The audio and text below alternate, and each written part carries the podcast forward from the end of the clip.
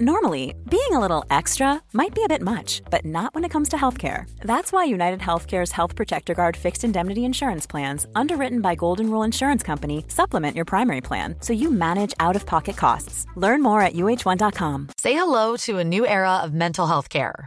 Cerebral is here to help you achieve your mental wellness goals with professional therapy and medication management support. 100% online. You'll experience the all new Cerebral Way, an innovative approach to mental wellness designed around you. You'll get a personalized treatment plan from a therapist, prescriber, or both in a safe and judgment free space. Your cerebral therapist or prescriber will outline a customized plan with clear milestones along the way so you can get to feeling your best. With Cerebral, you're not alone in your mental health journey. We're here to empower you to live a fulfilling life.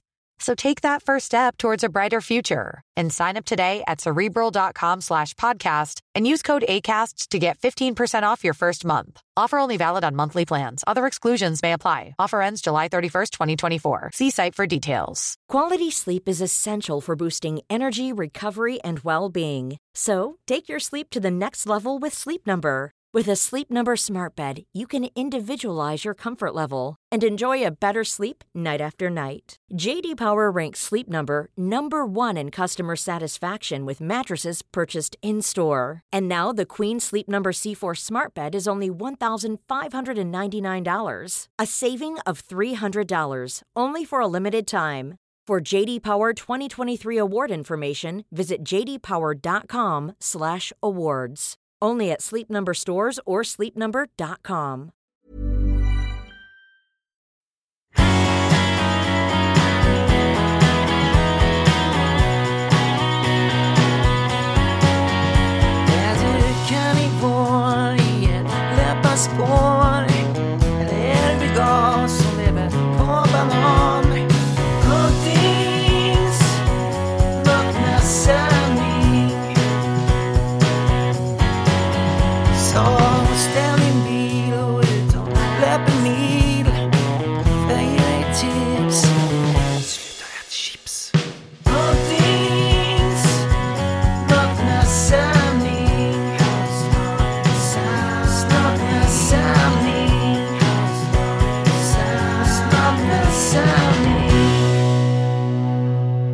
Jonas är det dags för vårat avsnitt 419.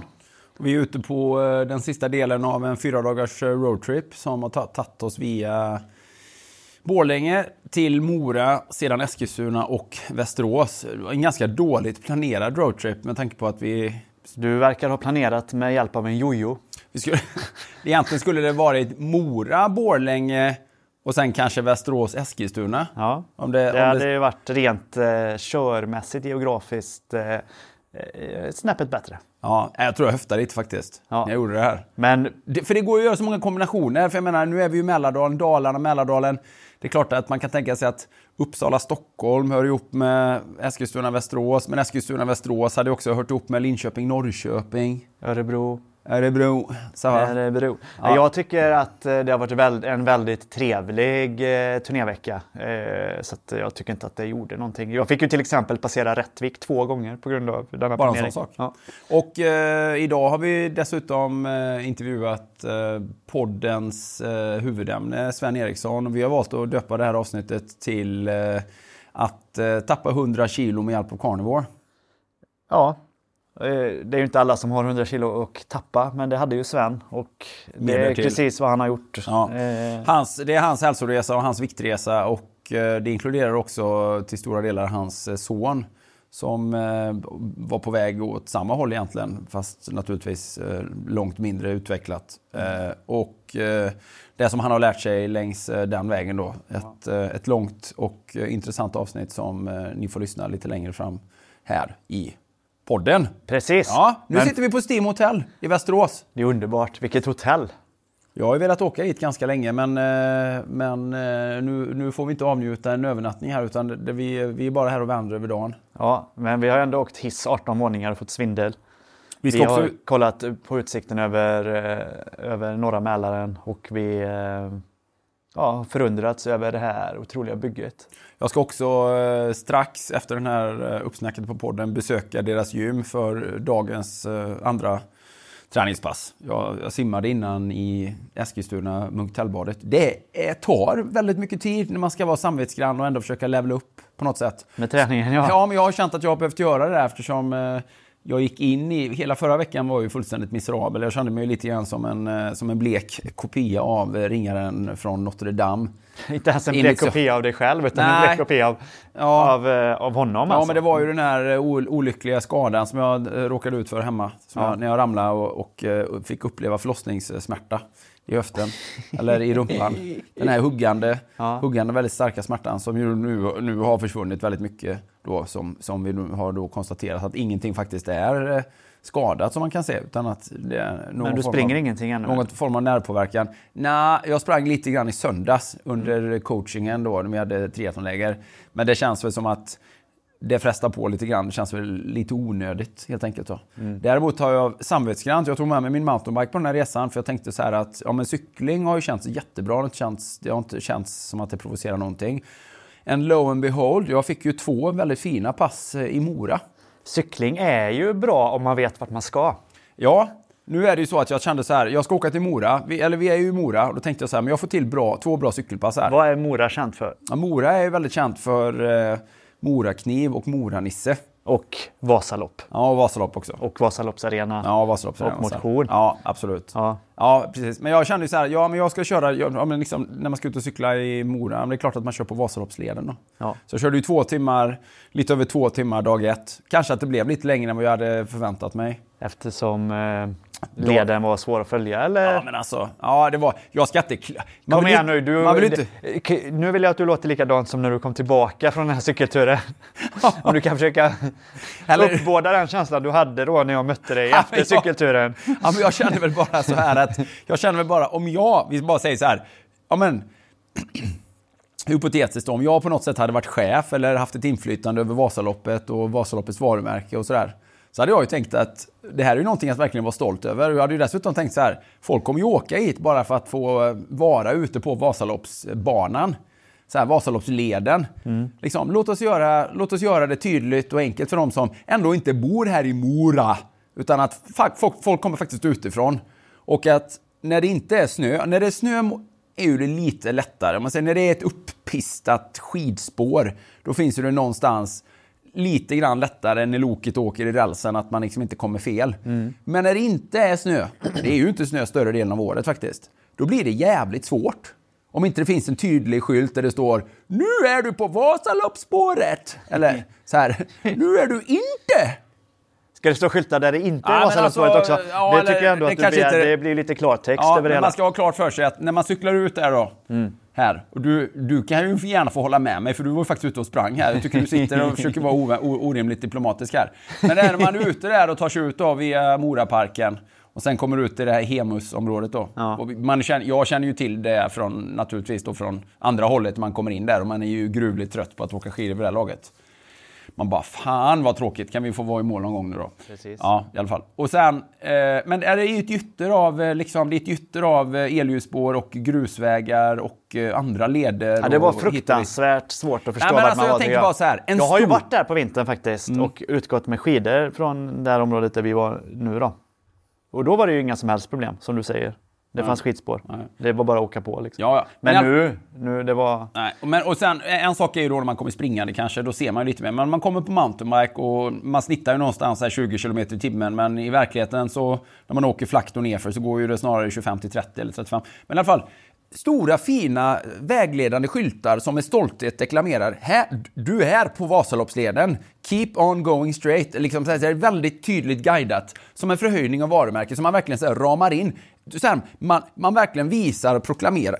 Vasaloppsleden, 100, års, eh, 100 år av tradition. Avnjut och liksom kanske någon liten... Jag hade ju tryckt upp lite härliga anekdoter. Fan, jag guidade ju mina adepter när vi kör camp i Borås. Vad jag gjorde längs någon led 2001. Men här har man ju en miljon, en miljon, eh, typ så här, precis här så ryckte Sven-Åke Lundbäck, eller precis här så kom han ikapp Staffan Larsson och han dubbelstakade. Det finns ju mängder med liksom punkter längs den här Vasaloppsleden där det har hänt idrottshistoriska eh, saker som man kanske inte känner till men som bara blir någonting att lyfta varumärket med. Ja. Och, så att, men i alla fall, för att göra en lång historia kort, det är fruktansvärt svårt att hitta.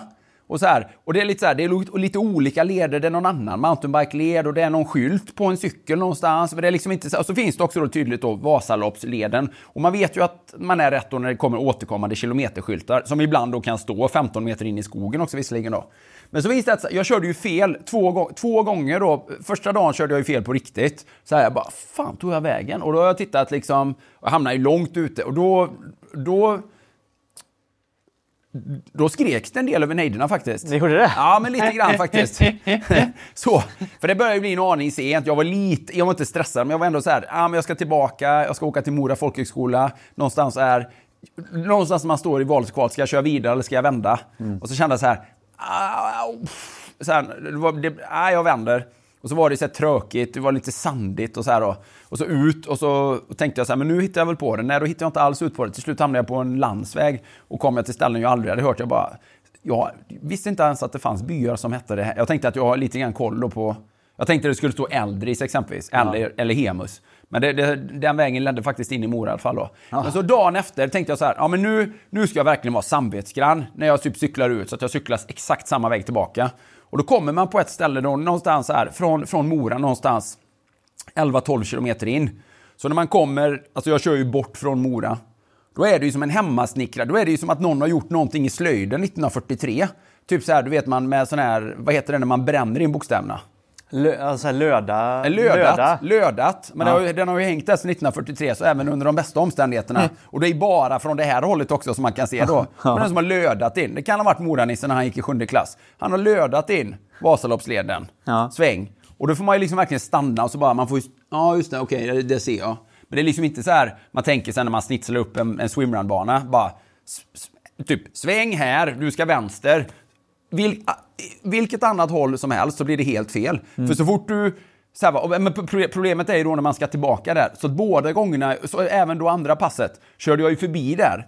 För, för när du kommer förbi där så är det bara som att det är 90 graders sväng, som en grusväg som bara viker av. Det är helt orimligt att hålla höger där nämligen. Ja. Så att jag, jag såg ju direkt, jag bara, fan nu är jag fel igen. Fan, nu, hur, hur kan jag ha kommit fel igen då? Så återigen, det är bara markerat från ena återigen, hållet? Det, det, det var lite grann, det fanns en del jojkning där över nejderna där som utbrast. Så fick jag ju köra tillbaka då liksom och så bara Ja, och sen när jag kom, ja okej, just det, det här verkar bekant. Ja, här är ju enda vägen. Ja, mycket riktigt. Då har vi den där hems, hemslöjdade, eh, hemslöjdade lödningsskylten där, liksom, Vasaloppsleden. Då, liksom, så här, i ett försök att göra det så absolut svårt som möjligt för de besökande, eventuellt träningsintresserade som kommer hit för att avnjuta Vasalopps. Vasaloppsleden liksom, och det storslagna i det här grandiosa eventet med 100 års historia. Liksom.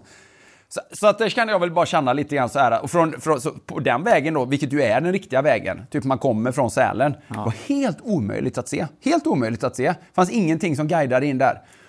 Eh, och sen kör man förbi där då så har man ju alla möjligheter att verkligen köra vilse ordentligt. För sen förgrenar det sig en massa andra. Och det är ju lite skyltar och lite sånt där också som inte har något med Vasaloppet att göra. Det är någon andra grön leder och sånt. Andra leder ja. och andra så här grejer. Va? Och det är ju, man hamnar mitt ute i Twin Peaks country på en gång liksom. Eh, så, så, att jag bara kände så här, ja, som ett litet så här, bara i all välmening bara, ja men alltså det hade ju inte varit jättesvårt att sätta upp lite tydliga skyltar som är uppe året runt och som så här, bara för att göra det lätt för folk att eh, avnjuta det här grandiosa eventet. Det är bara, min, det är bara min, min, äh, min ödmjuka åsikt i frågan. Faktiskt då. Är du intresserad av att eh, konsulta Vasaloppet i den här frågan eller du vill bara tipsa dem? Jag kan bara slänga ut det. Det känns inte som att det är ett jättestort konsultarbete egentligen. Känns Vi kanske att... kan lägga det på Erik Wikström. Han är ju ändå officiellt knuten till Vasaloppet. Ja, det fanns ju en del som kommenterade på Instagram som menar på att det kan finns, finns vissa lokala det finns ett visst lokalt motstånd mot att markera upp banan av Aha. någon anledning. Jag vet inte varför. Men jag körde faktiskt fel på flera, även om jag kom till Eldris. Man skulle ta sig från stadion och så ska man in i den lilla byn. Och så. Det lokala motståndet borde ju bestå i att, eh, att eh, väcka uppror mot alla vägbyggen. Ja, I Mora. Ja, det, var det går ju inte att köra bil i Mora. Nej, nej, i alla fall.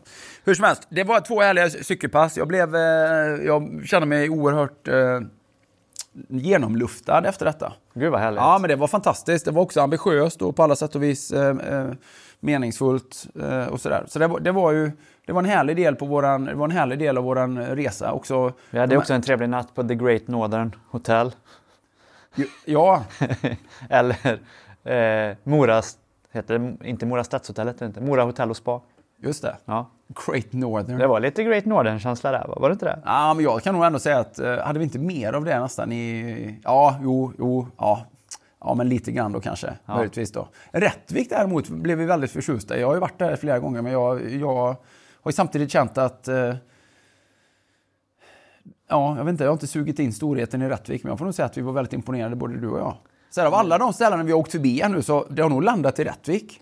Ja, men om, vi skojade ju lite på vägen upp eh, vid något tillfälle att det stod skrotbilar i varje trädgård och sånt eh, i vissa av de här byarna. Och att, Ja, du eh, tänker Grängesberg och ja, Kopparberg och... ja. Ja. Om man ser Rättvik upplevde jag ju som väldigt städat.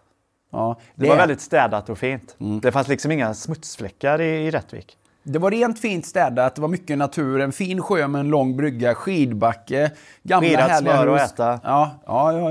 ja.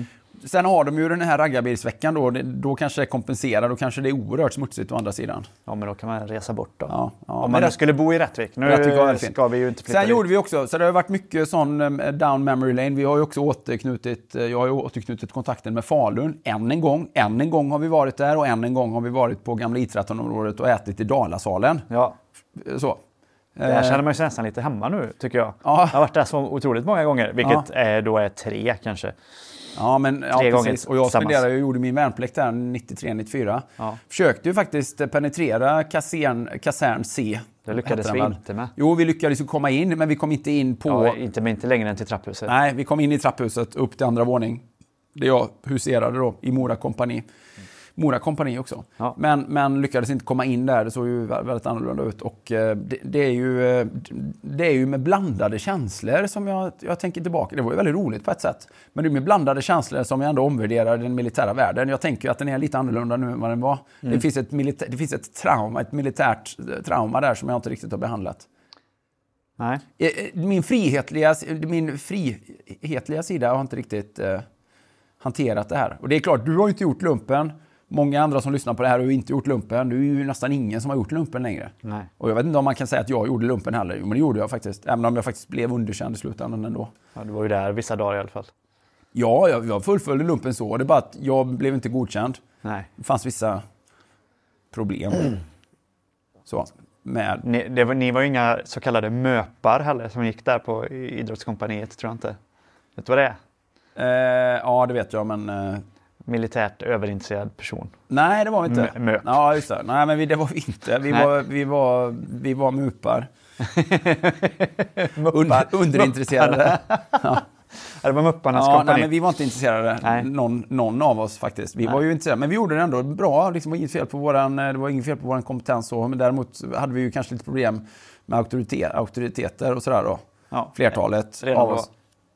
Ja, nej, men eh, det var lite märkligt för att vi hölls ju med väldigt lösa tyglar väldigt länge. Så, liksom. eh, vilket ju inte var några problem för vi hanterar ju allting. Men sen så eh, uppstod det visst av, viss avund och avundsjuka som det ibland gör under svenska, i svenska förhållanden på att vi var ganska Ja, vi, kunde, vi hade uppställning i civila kläder, vi gick och käkade i civila kläder. För det var ju alltid så här, ja men vadå, vi ska gå och träna efteråt så vi har fått tillåtelse till det. här. Varför ska vi byta om för att sen byta om? Ja, det stack i ögonen och sen så skulle man, fick vi något annat befäl och så skulle han införliva mycket hårdare kadaverdisciplin och så här. Varpå vi kände att, vad fan, Då gör vi myteri. fan är det här? Ja, ja lite grann så. Bara, så bara, skulle vi vara ute i fält en massa och jag bara, men hur går det då med träningen? Och så vidare. Nej, men du vet det som, det som fascinerade mig då, som jag hade gärna velat... eh, Det som är intressant med den militära världen, det är ju att det finns egna regler i den militära världen. Även i fredstid. Alltså när du är värnpliktig, så, då, då lyder du liksom in... Du kan ju... Du kan ju bryta mot en militär, banal, löjlig regel. Liksom. Och vad det nu kan vara. Olydnad, ordervägran eller vad fan det kan nu vara. Typ du har inte rakat ordentligt eller liksom... Så här, så här, eller man kan vara oense. Typ så här, men jag här tycker jag inte, typ så här, jag, det här gillar inte vad du säger eller jag håller inte med dig. Eller, eh, ja men eh, det får vi ta, eller så här, ja, eller bara att man säger, men jag vet det här, den, nu, det här får ni leka själva, nu är inte jag inte jag är ute, jag är tiffrig nu liksom. Så här. Och du har ett möte nu också. Eller vad det nu än är. Eller, jag ska kompa ut nu, eller så här. Det får jag, det jag gör detta hemma sen. Eller vad fan det nu än är liksom. Jag har, jag ska, du vet man så här, att man bara, man, man äger lite självständig frihet. Ja. under ansvar. Men det, det existerar ju inte. Nej. Utan det är ju så här, nej men nu har inte du gjort det och skorna var inte putsade och sängen var inte bäddad och då blir det arresten liksom. Eller men så här, det- det, det blir ett- kasern, kasernförbud kallas det ju. Ja. Men det finns inte utrymme för att eh, ha egna åsikter eller att ifrågasätta så mycket kanske. Det finns det väl, men det ska väl till ganska allvarliga förseelser. Jag, blev- jag fick aldrig... Det utdelades aldrig några sådana straff, men vi, vi, man, man var ändå medveten om att det råder andra regler där inne. Så, här, så att man hade, hade, hade det knipit så, så hade de ju kunnat behålla en där inne. Och då hade jag ju så här, min naturliga reaktion hade ju varit så här, ringa polisen. Ursäkta, jag är kidnappad. De, jag är inlåst här. Ja. Då hade de sagt så här, eh, vad menar du? Nej men jag, jag är inlåst här. Jag, jag vill inte vara inlåst här. Det är någon som har låst. Jag kommer inte ut. De har kidnappat mig. Jag, är, jag, jag hå- hålls här inne mot min vilja. Nej men du är ju värnpliktig. Ja men vad fan, gäller inte Svea rikes lag eller? I fredstid? Sånt, där, du vet, sånt hade jag oerhörda problem med förr i tiden. Ja. Jag bara, vart går gränsen för det egentligen? Typ, min eventuella frihet, ska det hänga på någon jävla Fänriks eh, välvilja? Så, alltså typ så här, som är tre år äldre än mig. Ja, så- alltså, sånt här hade jag problem med. Ja, jag. och, alltså, är den här, men, så jag tänker ju att nu är jag mycket mer för militären, lumpen, eller så, för jag tänker att det är mer som ett vanligt jobb. Så, att man är så här, eh, den här hierarkin som kanske finns, den finns ju där i ett kompetensanseende. Men inte det här i det här löjeväckande, uppfostrande, eh, Nej, nu är det ju mer, eh, nu är det mer genusperspektiv och hållbarhet även i militären tror jag. ja, ja, mm. ja jag, vet, jag, vet, jag kan inte relatera riktigt. Nej, Nej, men eh, Nej, jag vet inte om det om, eh, om man är lättkränkt, vilket alla är idag då. Så kanske inte, jag vet inte hur militären funkar. Kan ingen värnpliktig höra av sig? Vi kanske inte har någon värnpliktig Nej, men just den här distinktionen mellan de civila lagarna och att militära... Alltså det finns ju krigslagar, det, det är ju en helt annan sak. Det finns ju undantagstillstånd för det. Men alltså i, i fredstid, när det då fanns liksom militära lagar som man som då värnpliktig omfattades av, det tycker jag var extremt märkligt. Eller och bara säga så här, ja okej, ni- det här är aslöjligt, jag är inte med längre. Liksom, fan, ni, får leka, här, ni får leka krig själva, jag är fan inte med.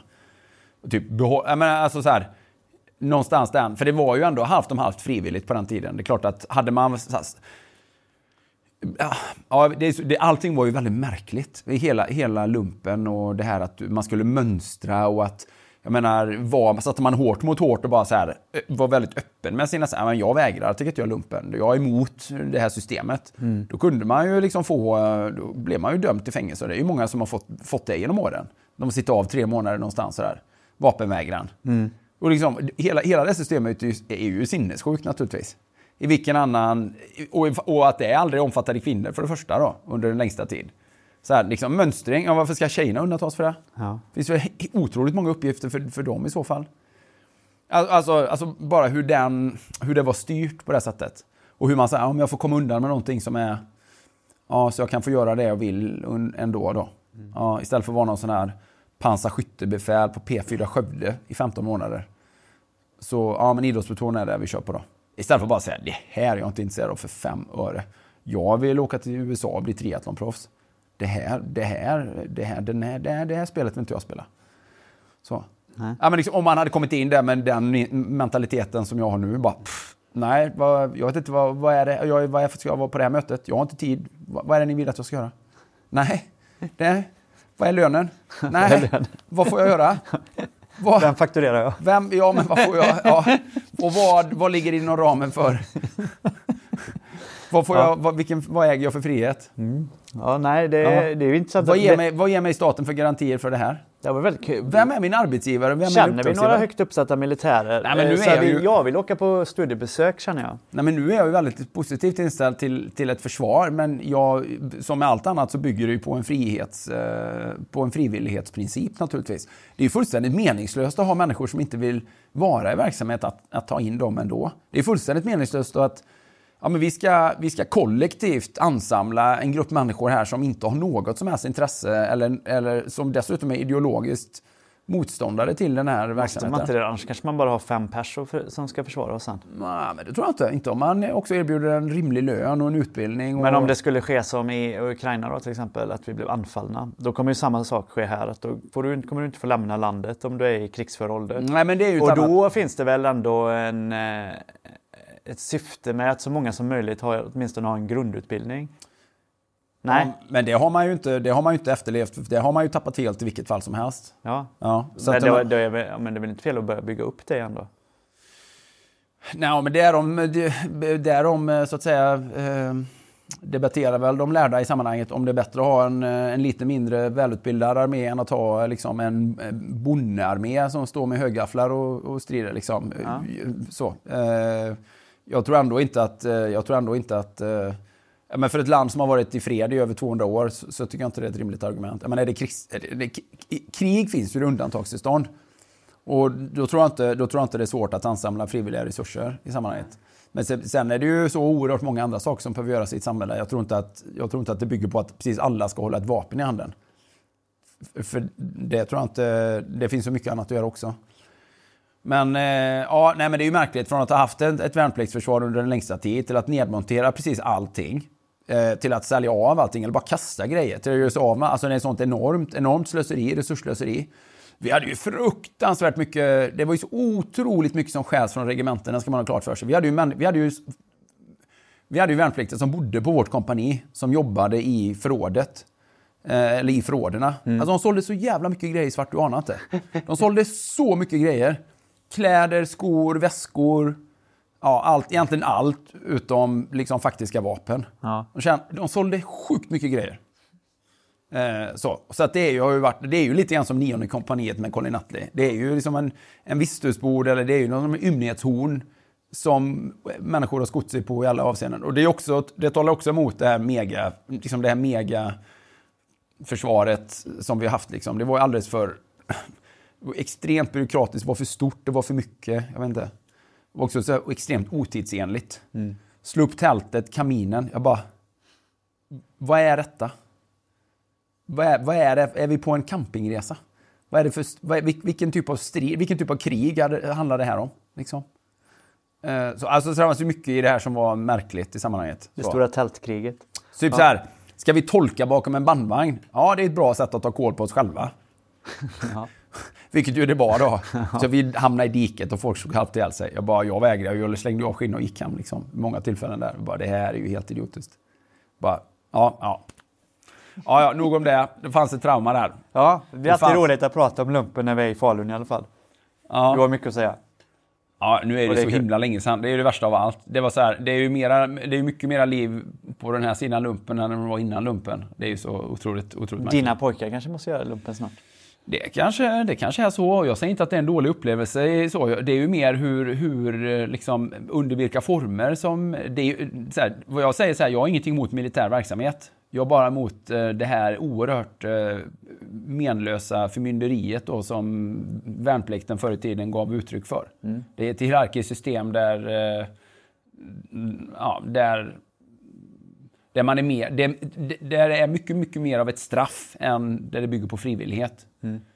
Eh, och jag vet inte om det är bra för inlärning eller någonting.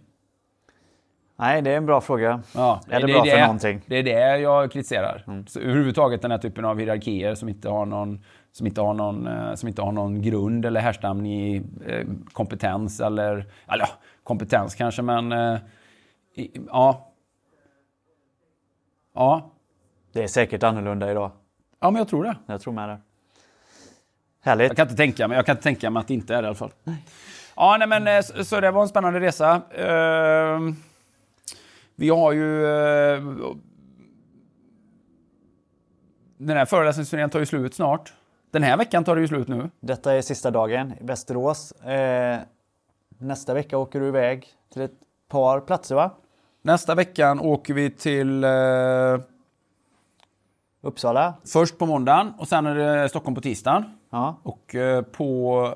Sen är det en vecka paus och sen är det tre orter kvar och då är det Lund, Halmstad, Göteborg. Just det.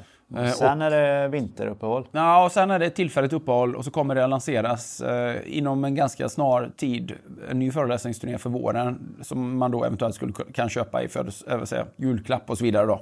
Så det kommer lanseras ändå ganska snabbt därefter. Då. Så att eh, de av er som ännu inte har varit och lyssnat på mig, gör gärna det. För jag tycker att min föreläsning är jätte, jättebra nu. Jag hinner verkligen nästan inte med att prata i den takten som jag vill förmedla. Så är det va? Ja. Eh, framförallt tycker jag att eh, de som är och lyssnar på din föreläsning enhälligt eh, upp, upplever att den är väldigt bra. Ja, men det är ju väldigt roligt. Ja, jag älskar ju verkligen att föreläsa, så det känns ju, det känns ju sjukt positivt faktiskt. Då. Och eh, sen har vi ju ett simcamp som kommer också i december, 8-10 december. Eh, vi hoppas att så många som möjligt eh, som eh, har gått och dragit på det verkligen äntligen kommer och, och lär sig att simma i Borås. Jag kan nästan till garantera att alla nybörjare åker hem som crawlare på, på basen av de fyra simpassen, simteori, filmning och allt annat som, som ingår. Så att, eh, 8 till 10 december Borås. Vi har också tre, två stycken läger under våren som vi ska marknadsföra inom kort dessutom. Så att det eh, finns, eh, finns en del spännande helger kvar på året. Härligt! Men eh, då släpper vi in våra partners här och sen kommer vi tillbaka med Sven. Den här veckan har vi med oss No Bond Beauty Jonas. Som eh, vi har utsett till världens bästa hudvårdsprodukter. Det är världens bästa hudvård från De Sverige. har, de har vunnit Coltings pris för världens bästa eh, hudvård. Ja, men det är inte bara jag som älskar No Bond Beauty. Man kan gå in och läsa recensionerna på eh, deras hemsida. Ja. Eh, och eh, det är ju... och Det är ju inte sällan människor som har eh, varit lika frekventa hudvårdsanvändande som, eh, som jag har varit. Alltså, eller som kanske har problem med sin hy och hud. Man kanske har... Ja, man har lite så här problemhy eller problemhud och så har man testat väldigt mycket. Och eh, så har man liksom gång efter annan blivit besviken. Och eh, så hittar man den här enastående, de här enastående produkterna från No Bond Beauty som då huden och hyn älskar.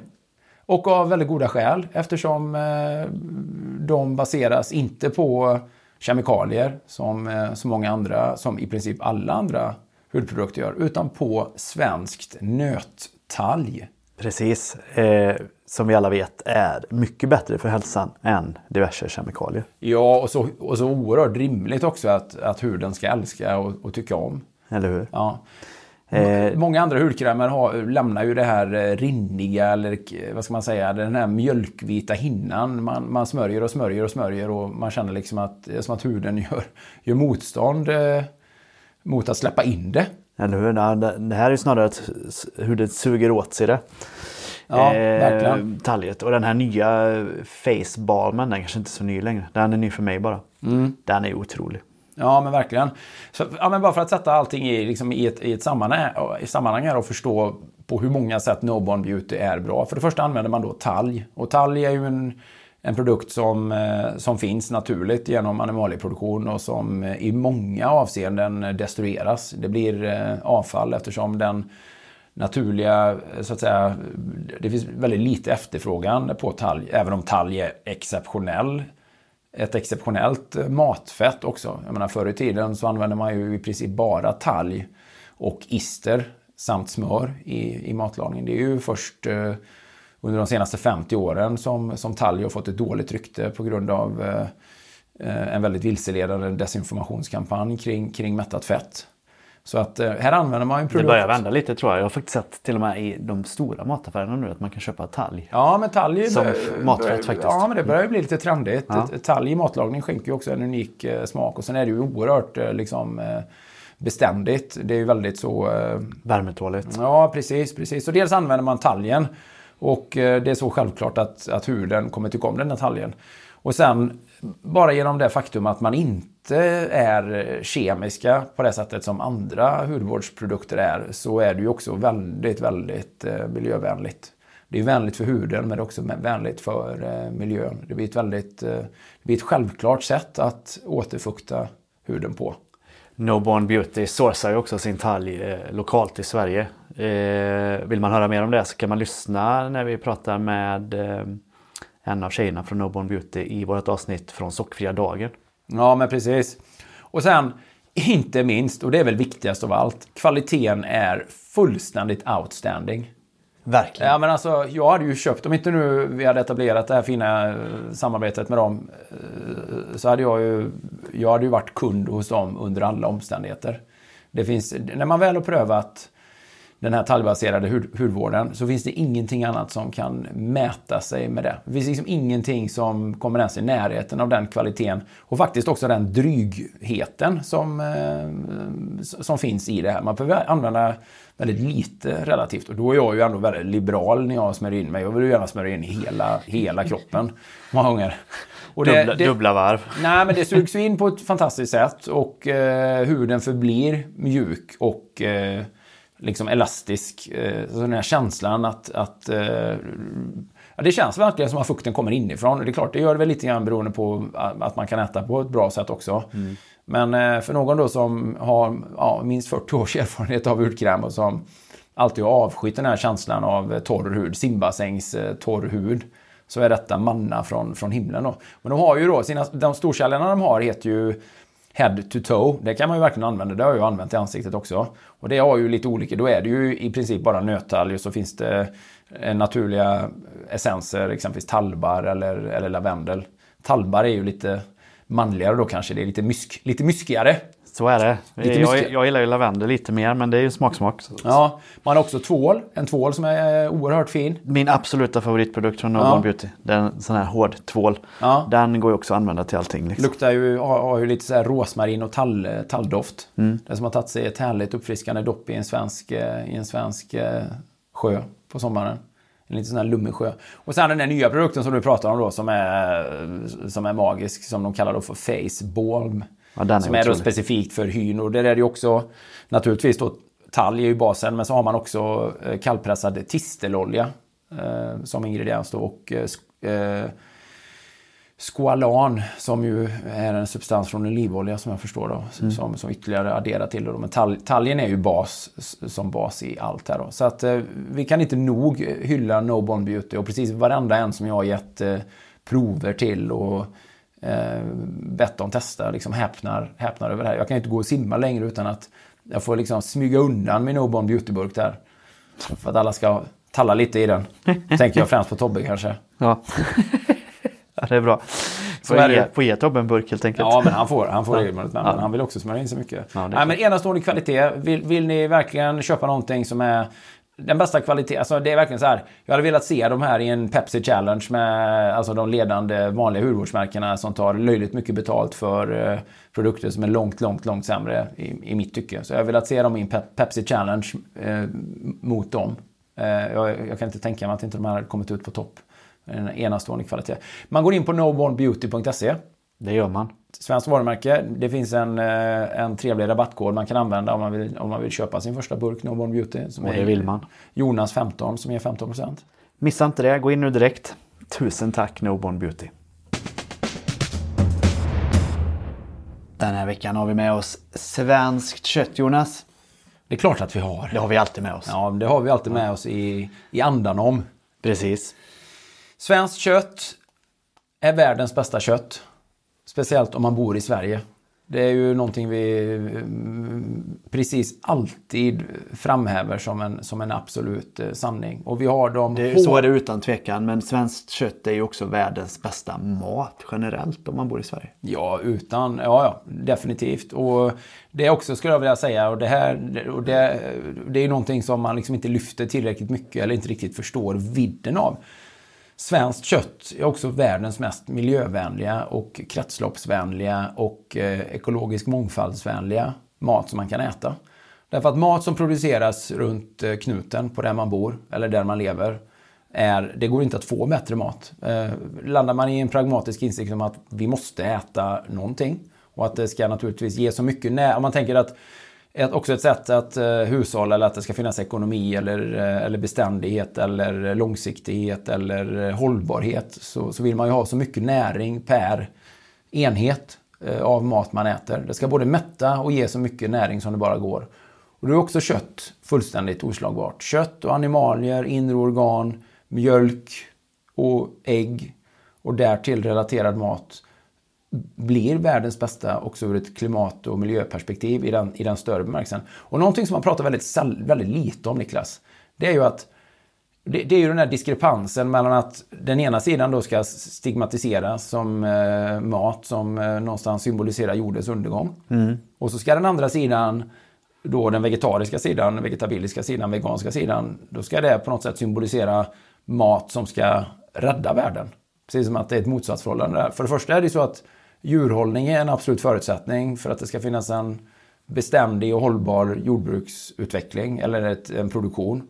De två går verkligen hand i hand. Och jag är ju inte på något sätt emot jordbruksproduktion. Det finns absolut en plats för grönsaker och vegetabilier. Det, det är väl klart, naturligtvis. Men man ska liksom inte leva den naiva tron att, att eh, det är ett nollsummespel med, med vegetabilier och, och grönsaker och så vidare. Eh, för varje kilo av ätbara vegetabilier så är det åtminstone fyra kilo av kompost eller eh, vad ska man kalla det, skräp eller eh, rest eller avfall eller avskräde på något sätt. Det är så oerhört mycket i vegetabilier som odlas som vi inte kan äta. Och antingen kan ju det ju ligga och ruttna bort eller så blir det ett oerhört bra foder i de flesta fall till djur. Så det finns ett, det finns ett snillrikt genom naturen utvecklat under många hundra miljoner år. System. Ett system som, som fungerar. Mm. Eh, och där är ju djuren en omistlig del, såklart. Och det är det enda sättet som all, alla de här näringsrika grödorna kan omvandlas till mat för oss, faktiskt. Um, vi, vi, har tusentals bönder i Sverige som nu lägger ner. Och som tvingas, eh, så att säga, slå igen, close shop. Väldigt sorgligt. Ja, ja väldigt sorgligt, men det är också oerhört negativt för Sverige mm. i det mm. långa loppet med självförsörjning, med eh, eh vår svenska ekologi, vår biologiska mångfald, med, eh, liksom, med, med, ett kretslopp som ska fungera och med arbetstillfällen, yrkeskunnande, kulturarv och så vidare. Eh, det, det, det, finns någonting oerhört genuint och äkta i att eh, hålla djur eh, och att eh, eh, på ett etiskt försvarbart sätt eh, föda upp dem till mat för oss helt enkelt. Då. Så att Svenskt kött är ju branschorganisationen för en mängd köttproducerande organ eller företag. Mm. Och eh, de har en eh, fantastisk hemsida på svenskkött.se då, minus, ja, det blir ju O istället för Ö. Svenskt kott. Ja, precis. Och det kan man ju läsa om alla de här sakerna i detalj. Den är faktiskt väldigt, mycket, den är väldigt utförlig. Mm. Och de tar ju inte på något sätt, eh, de lever ju också i verkligheten naturligtvis. Och inser ju att det finns ju såklart saker att beakta som man kanske kan göra bättre och det finns ju liksom, även där är ju inte det något nollsummespel liksom. Men, men som helhet betraktat så ska vi inte stigmatisera köttet. Tvärtom är ju köttet en absolut, kött och animalier är den absolut näringstätaste och mest biotillgängliga maten som finns. Den, den definitiv, den absolut, tveklöst största delen av vårt mänskliga evolutionära arv. Och eh, att vara jägare, att jaga djur, att äta, det är ju det, är det enda jobbet människan hade under den längsta tiden egentligen. Så är det ju. Och alla våra svenska lantbrukare oavsett vad man producerar behöver ju ha vårt stöd och att vi köper deras produkter. Ja naturligtvis. Så man ska ju hitta den här blågula stämpeln du vet. Eller märket ja, som finns ja, på all mat som, som heter Från Sverige. Och man ska skänka en tacksamhet till Stanke. Gå ut och krama en bonde. För bövelen. Ja, men på riktigt alltså? Ja, eller gå och köp hans ja, produkter. Ja, ja, ja okej då Niklas. Ja. Okej då. Men, eh, ja, precis. Men, eh, som det där godhetssignalerandet eh, Jonas kan vi inte hålla på med. En symbolisk krav då? ja, symbol. Nej, men alltså vi, vi ska lyfta svenska bönders och svenska livsmedelsproducenters uh, rykte. Uh, och deras, och deras liksom, vad ska man säga? Um, deras status borde vara mycket, mycket högre. Och det är ju nästan alltid så att kött, eh, köttproducerande bönder också odlar saker. Och det är för att det de går hand i hand. Det går hand i hand helt enkelt. Mm. Så att eh, framför svenskt kött, framför svenska animalier. Vi är stolta samarbetspartners till dem. Verkligen. Tusen tack Svenskt kött och alla svenska bönder. Äntligen får jag säga det igen Jonas. Den här veckan har vi med oss Salexir. Salexir är det svenska kosttillskottsföretaget som har två makalösa produkter som båda två syftar till att optimera hälsa och eh, prestation. Det ena är ju Selexir One som mm. ju är eh, kosttillskottet som har till syfte att förbättra mitokondriernas funktion. Och mitokondrierna har ju visat sig vara en central del i våra kroppar när det kommer framförallt till att hålla oss eh, relativt sett unga och vitala länge. Man brukar ju säga att eh, åldrandet mer än något annat märks just i mitokondrierna. Det är ju exempelvis därför som motion och träning och syresättning är så oerhört värdefullt för oss livet igenom och att eh, det är liksom som ett ungdomselixir. Mm-hmm. Eh, och mitokondrierna det är det man brukar kalla för cellernas kraftverk. Precis, och eh, ju mer det forskas kring det här, desto mer uppmärksamhet får just mitokondrierna som extremt eh, liksom, eh, viktiga komponenter i den här kedjan. Och Selexid One, som ju är eh, ett kosttillskott som man tar två piller av per dag med eh, vatten, innehåller flera då, eh, så att säga, genom forskning erkänt verksamma substanser för att just eh, behålla, liksom, eller liksom för att stimulera mitokondrierna till så god funktion som det bara går. Bland annat då koenzym eh, Q10, ubiquinon, en sån substans. Eh, PQQ, en annan sån, sån substans.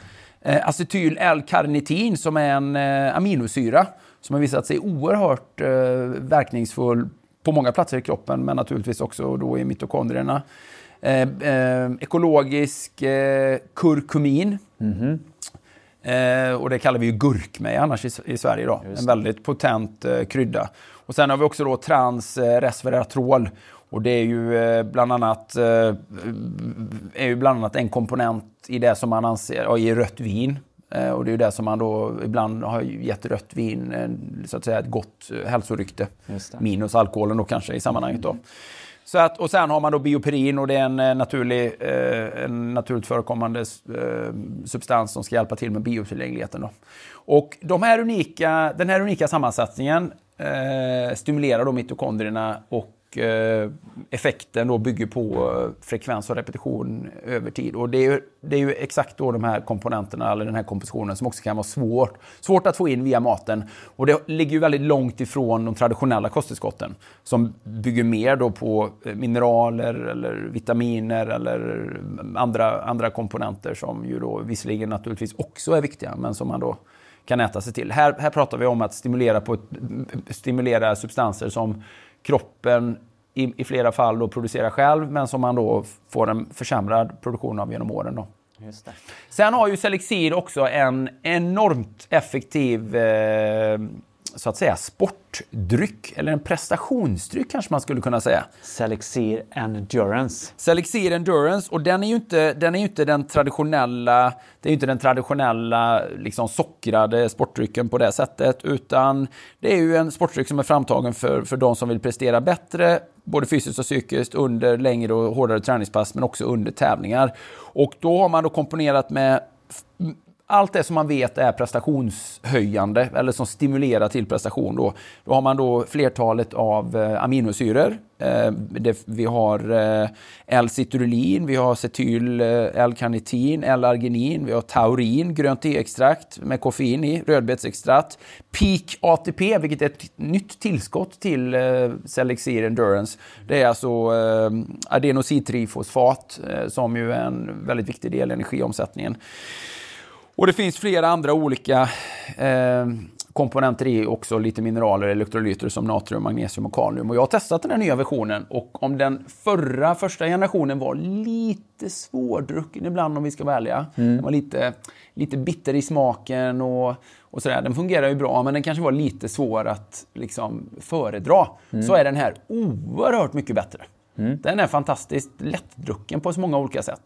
Så att om man vill testa någonting som går utanför normen och som är verkligen sådär spets, spetskvalitet och som inte bygger på det här vanliga, ja, mer det här sockrade och stärkelserika eh, som, som andra sportdrycker eh, har mycket av då. Eh, så, eh, rena, rena saften i många sammanhang, eller rena läskedrycken egentligen, så är ju det här andra ytterligheten av kvalitet. Då. Och nu kan man då använda, om man går in på Selexirs hemsida, om man går in på selexir.se, så kan man använda koden eh, KOLTING20 och då har man eh, en rabattkod som ger dig som konsument 20% rabatt eh, som dras av första betalningen vid tecknande av prenumeration eller vid köp av engångsförbrukning av Selexir One eller Endurance. Så koden gäller på båda. Colting20, C-O-L-T-I-N-G 20. Oerhört generöst. Ja, så gå in på selexir.se, läs mer om eh, de här unika kompositionerna och eh, testa eran, eh, testa eran, så att säga, testa helt enkelt. Testa det. Ja, Tusen tack. Ja, tack. Selexir. Say hello to a new era of mental health care. Cerebral is here to help you achieve your mental wellness goals with professional therapy and medication management support. 100% online. You'll experience the all new Cerebral Way, an innovative approach to mental wellness designed around you. You'll get a personalized treatment plan from a therapist, prescriber, or both in a safe and judgment free space. Your cerebral therapist or prescriber will outline a customized plan with clear milestones along the way so you can get to feeling your best. With Cerebral, you're not alone in your mental health journey. We're here to empower you to live a fulfilling life. So take that first step towards a brighter future and sign up today at cerebral.com slash podcast and use code ACAST to get 15% off your first month. Offer only valid on monthly plans. Other exclusions may apply. Offer ends July 31st, 2024. See site for details. Ryan Reynolds here from Mint Mobile. With the price of just about everything going up during inflation, we thought we'd bring our prices down. So to help us, we brought in a reverse auctioneer, which is apparently a thing. Mint Mobile unlimited premium wireless. Ready to get 30, 30, bit to get 30, bit to get 20, 20, 20, bit to get 20, 20, bit to get 15, 15, 15, 15 just 15 bucks a month. So, Give it a try at mintmobile.com slash switch. $45 upfront for three months plus taxes and fees. Promo rate for new customers for limited time. Unlimited more than 40 gigabytes per month. Slows. Full terms at mintmobile.com. Quality sleep is essential for boosting energy, recovery, and well being. So, take your sleep to the next level with Sleep Number. With a Sleep Number smart bed, you can individualize your comfort level and enjoy a better sleep night after night. JD Power ranks Sleep Number number 1 in customer satisfaction with mattresses purchased in-store. And now the Queen Sleep Number C4 smart bed is only $1,599, a saving of $300 only for a limited time. For JD Power 2023 award information, visit jdpower.com/awards. Only at Sleep Number stores or sleepnumber.com. För en vecka sedan någonting så gjorde vi ett eh, avsnitt om eh, skolmaten och eh, ja, hur, antagligen hur lite man lär sig om riktig och bra mat i skolan eh, på ett praktiskt plan. Även då när det gäller andra ämnen så är det nog väldigt mycket som eh, undanhålls eleverna eller som man tar så att säga politiskt korrekt hänsyn till. Och då fick jag i flödet ett eh, väldigt intressant inlägg från eh, en man som heter Sven som, som skrev om hur hans, dels hur han själv hade haft en enorm övervikt och hittat, till rätt, kommit till rätta på det här via att gå den egna vägen och att börjat med carnivore och eh, ätit sig eh, frisk eh, och på väg ner mot normalvikt trots oerhört dåliga råd från vårdinstanserna. Och hur han nu tog kampen för sin son just gällande skolmaten och hur hans son då på väg mot rejäl övervikt på bara en ganska kort tid, något år, har byggt upp en imponerande fysik och eh, är på väg eh, mot oerhört mycket bättre hälsa. Och, eh, alltså de här intressanta kontrasterna. Och eftersom vi sitter i Eskilstuna idag och jag föreläste där igår så föll det sig så att Sven, du är från Eskilstuna. Ja, det stämmer. Och då fick vi chansen att prata med dig live och kunna intervjua dig om den här intressanta processen.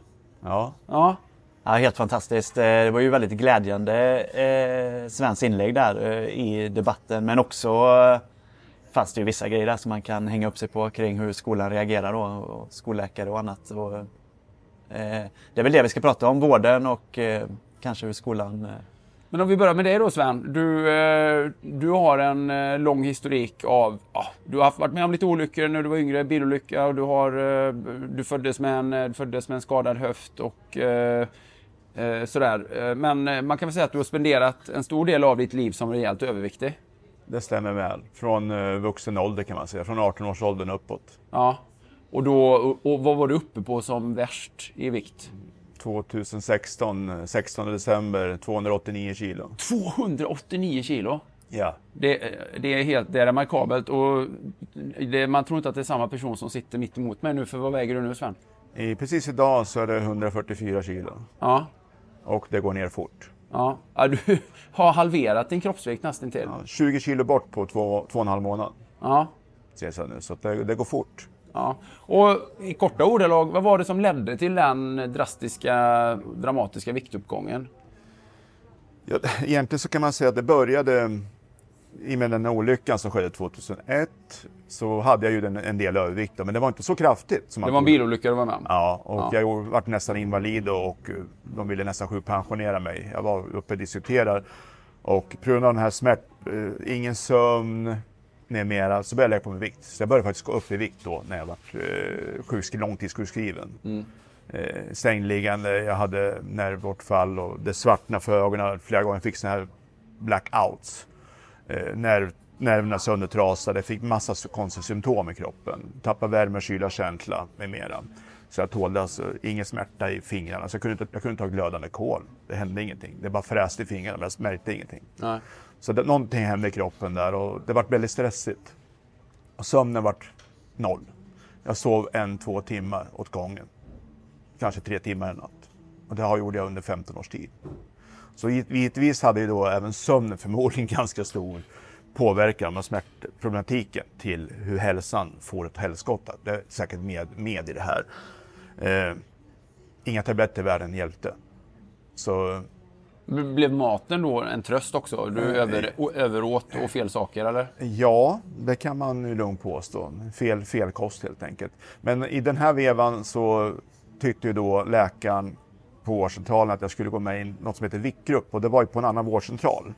Så då gick jag på en annan vårdcentral och, eh, och då vart jag skickad dit.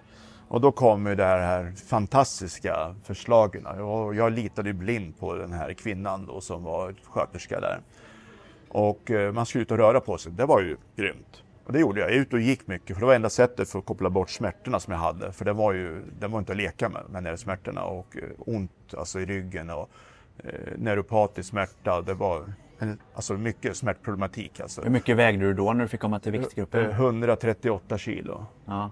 Eh, Och eh, jag började lyssna och gå in och de hade föreläsare om psykologi och med mera där och sen började vi laga mat där.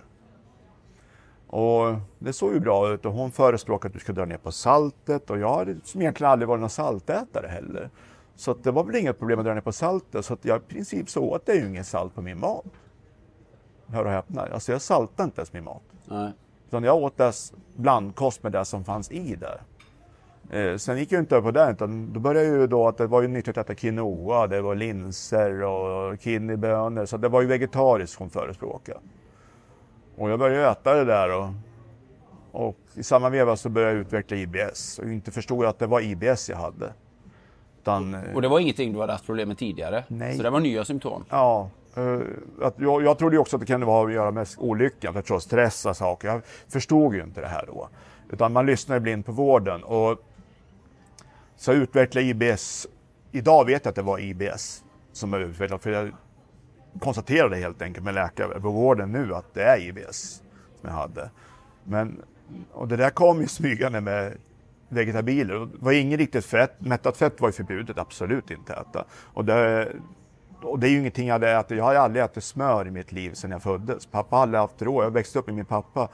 Så, så, så vi använde bara margarin. Lättmargarin, margarin, lättmjölk, med pasta och bröd. Det var mycket sånt. Farsan hade inte råd så mycket med kött så jag har ju aldrig ätit liksom riktigt bra mat egentligen från början. Men det, det vart ju värre nu. För det vart ju mer vegetariskt. Alltså jag gick ju från att äta pasta, potatis till att äta bönor och linser och sånt där saker. Och Och det reagerar du väldigt negativt på? Ja, det börjar bli, jag börjar så börjar få smärta i kroppen. Jag förstår, jag tänkte att hela tiden att det var olyckan som orsakade det här. Och, men men eh, det, det, det resulterade i att det är lägre salt och alltihop. Jag började få migrän.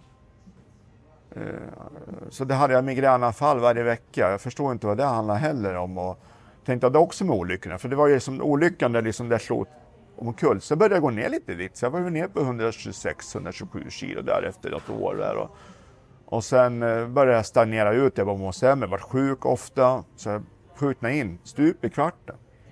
Jag förstår inte varför jag sjuknade in. Alltså, jag åkte på den ena förkylningen efter den andra. Sjuk, sjuk, sjuk, sjuk. Var arbetslös. Kom in i en åtgärd eh, med rehabilitering på Bilia.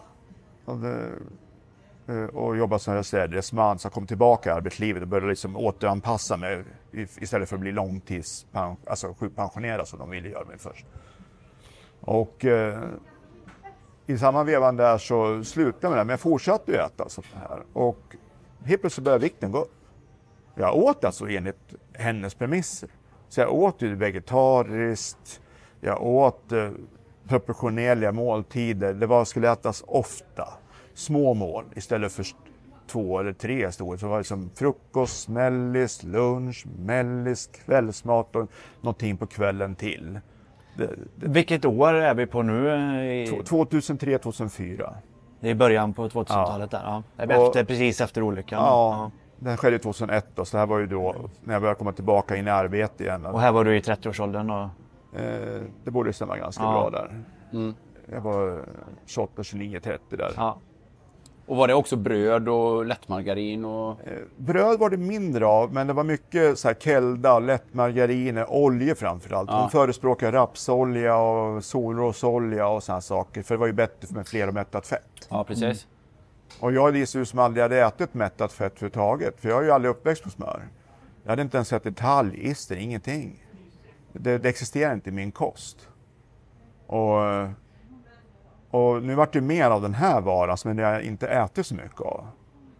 Eh, och det var inte så mycket fett heller, för man hålla ner på fettet. Men det fett man skulle äta skulle vara flermättade fetter, särskilt oljor. För att allt som var hårt, det var dåligt. Just det. Ja. Ja, det är den, stand... det är den, eh, det är den åsikten man Ja, torgför. dra ner på socker var ju sig bra, för det sa det ska man inte äta. Nej, så ska du äta bara en sån här liten kaka. Vi fick baka kakor, så ja, den här såg jag. Så sa, då kan ju man lika bra låta bli. Ja, sa hon då. Ja, det är det jag vill komma till, att ska du äta kakor och bullar så ge fan i det istället, sa. För det är så här lite du kan äta. Så där hade hon ju rätt då.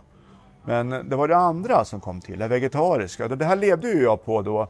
Så träffade jag då min dåvarande sambo som jag varit ihop med och flyttade ihop. Och vi fortsatte. Hon var ju också inköp på mycket med det här. De använde mycket kelda och så här saker. Och det var ju grädde med mindre fett i vi använde också. Och varje gång jag åt kelda och alla de här grejerna så jag fick ju alltid ont i magen. Gaser. Förstod inte vad det här. Så började vikten skena. Och fick ett nytt jobb och det var stressigt på jobbet. Jag kraschade in, jag gick in i väggen 2008 redan. Men förstod inte. Jag hamnade på sjukhuset, hjärtsäcksinflammation. Vikten började sakta men säkert upp och jag åt rätt. Jag förstod inte vad det här var. Kroppen reagerar inte på maten så som de sa att det skulle göra. Så, så ju mer de här täta målen måltiden jag käkade som jag skulle äta så, alla mellis och allt det här, så ja, jag bara gick upp i vikt. Och jag förstår inte det här. Eh, 2010 då fick jag mitt första barn med min sambo då. Och hon höll på att kasta in handduken på grund av eh, stopp i gallan. Så hon fick inflammation i hela kroppen och åkte på pankreatit och grejer. Precis efter föds. Så hon vart, då fick jag ta hand om min grabb själv, nyfödd. Hemma och då började jobbet tjata på mig alltihopa. Så när allt var klart då kraschade jag igen. Av stressen. Så stressen var ju ett, bidragande orsak. Tryck från arbetsgivaren det här att du ska tillbaka. Men jag sa, jag har ju en nyfödd son, om jag ska ta hand om honom. Hon ligger Ja. på sjukhuset. Så eh, det var ingen bra arbetsgivare. Jag behöver inte nämna namnet på den. Men, men eh, eh, där så 2010, då var jag alltså uppe på 201 kilo. Så jag, jag hade alltså gått upp från 130, 128 till 201 kilo. Mer än år. hela mig då på sex år. Ja, och jag åt normalt. Jag åt inte för mycket mat. Folk tror jag vräkte mig bullar. Nej. Men jag åt fem, sex gånger om dagen. För det var det jag var rekommenderad. Jag skulle äta de här low salt, kelda, eh, lättmargariner, minska bröd, äta mer vegetabilier. Eh, och, Åt du mycket spannmål i övrigt då? Flingor eller gryn eller ja, liknande? gröt. Ja. Eh, gröt och så till frukost. Jag åt eh, inte flossigt, sånt har jag aldrig gillat. Utan det var gröt. Ja. Eller gjort på såna här müsli och såna här saker. Då. Eh, och jag åt det till frukost hemma. Det var liksom leva hälsa. Jag har även varit med Viktväktarna några vänner också. För att försöka få hjälp där. Och det var ju samma taskiga råd där. Men, men sen gick vi vidare då. 2013 kraschade jag igen och vart av med jobbet där. Eh, 2014 så kraschade jag igen för då var det separation. Med, för att jag var ju så dåligt skick. Vet du. Och samtidigt så var ju hjärnan funkar ju inte bra heller. För att idag vet jag att det är kosten som orsakar att jag mått jättedåligt. Då. Ja. Eh, och, eh, Men det blev sämre och sämre det var sämre år för sämre. år kan man säga. Kognitiv, kognitivt vart jag ju sämre och sämre. Ja. Och jag förstår varför separationen kom. För att Ja, det idag- hade effekter i- på relationer och Ja, allting. det påverkar ju givetvis relationen som idag är bättre än någonsin fast vi inte är ihop då. Ja. Så funkar det bättre i och med att jag förändras som människa tack vare kosten. Men du hade, du hade återkommande kontakter med vården och vad sa Ja. man? Det är klart att du hade ju en eh, beramande övervikt vid det laget. Vad, vad sa man från vårdens sida? Hur be, behandlar man det? Hur, man måste ju ändå sätta det som ett symptom eller ett problem som sådant. Så när du var inne då för andra saker så måste Jag- det ju ha kommit upp. Jag kom in i viktgruppen en gång till. Startade om det på igen då, för att få hjälp. Då. Så Ja. det var ju samma kvinna igen. Körde om samma race igen. Och då gick jag ner lite grann. Och sen Var det tio år senare då? Ja, precis. Så det två- hade två- inte förändrats jättemycket i viktgruppen? Nej, jag var på ett nytt ställe. Ja. Och det funkar ju lika bra som förra gången. Och då, sen gick jag över på en sjukgymnast och det var där jag träffade min eh, partner in crime som jag är även eh, vän på Facebook med. Och han är alltså fysioterapeut som jag skickar uppdateringen till honom också. Som har följt mig från det var som värst. Ja. Så han har sett den här utvecklingen och han är ju gymnast från början så han är riktigt duktig tränad och lyckligt så här. Och, och eh, han har ju sett den här resan från det var som värst tills det idag också. Men han, då gick jag hos honom och han började då, så här, du måste börja röra på dig, det här är viktigt, sa han. Och då började jag gå ner i vikt med honom, hans hjälp. Och sen kom ju då kraschen i samma veva där med jobb och sambo. och Så här. jag tappar ju allt. Eh, och eh, så kan man ju säga då, separationen kom, det vart ju av med jobbet samtidigt, hen, separation, allt i en vecka. Farsan min var sjuk. Jag höll på att tappa, alltså förlora allt inom loppet av en vecka. Så jag åkte på sån här, sån här riktig, jag kallar det för käftsmäll. Eh, jag kraschade och försökte hålla ut och vi separerade, flyttade isär. Jag hade hus, alltså jag hade ju allt, alltså hus, jobb, skitbra, alltså bra jobb, allting. Det bara rulla på. Förlora allt på en vecka. Och när separationen var klar, vi sålt hus och hade pengar, då, då tog jag till någonting som jag aldrig gjort i mitt liv. Jag började dricka alkohol. Eh, vi pratar inte om normala mängder.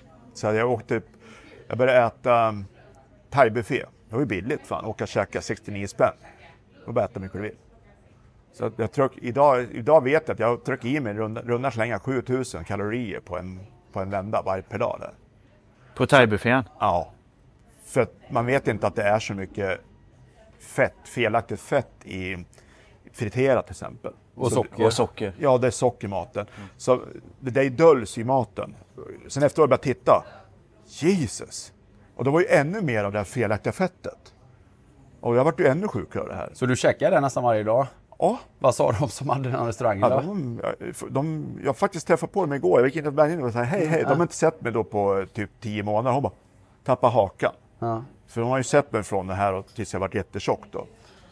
Så att eh, då gjorde jag, alltså jag gick upp alltså från 201 kilo, kan man säga, jag vägde runt 200 till 289 kilo på ett år. Och det var alkohol också med i bilden då? Det var alkohol och thaibuffé. Alkohol så, ja, alltså det var ju depression jag hamnade i. Förstår du? Alla människor kan ju ham- hamna i psyke med det. Ja. Så då började jag dricka alkohol. Alltså jag, jag brände av 58 liter gin på ett år.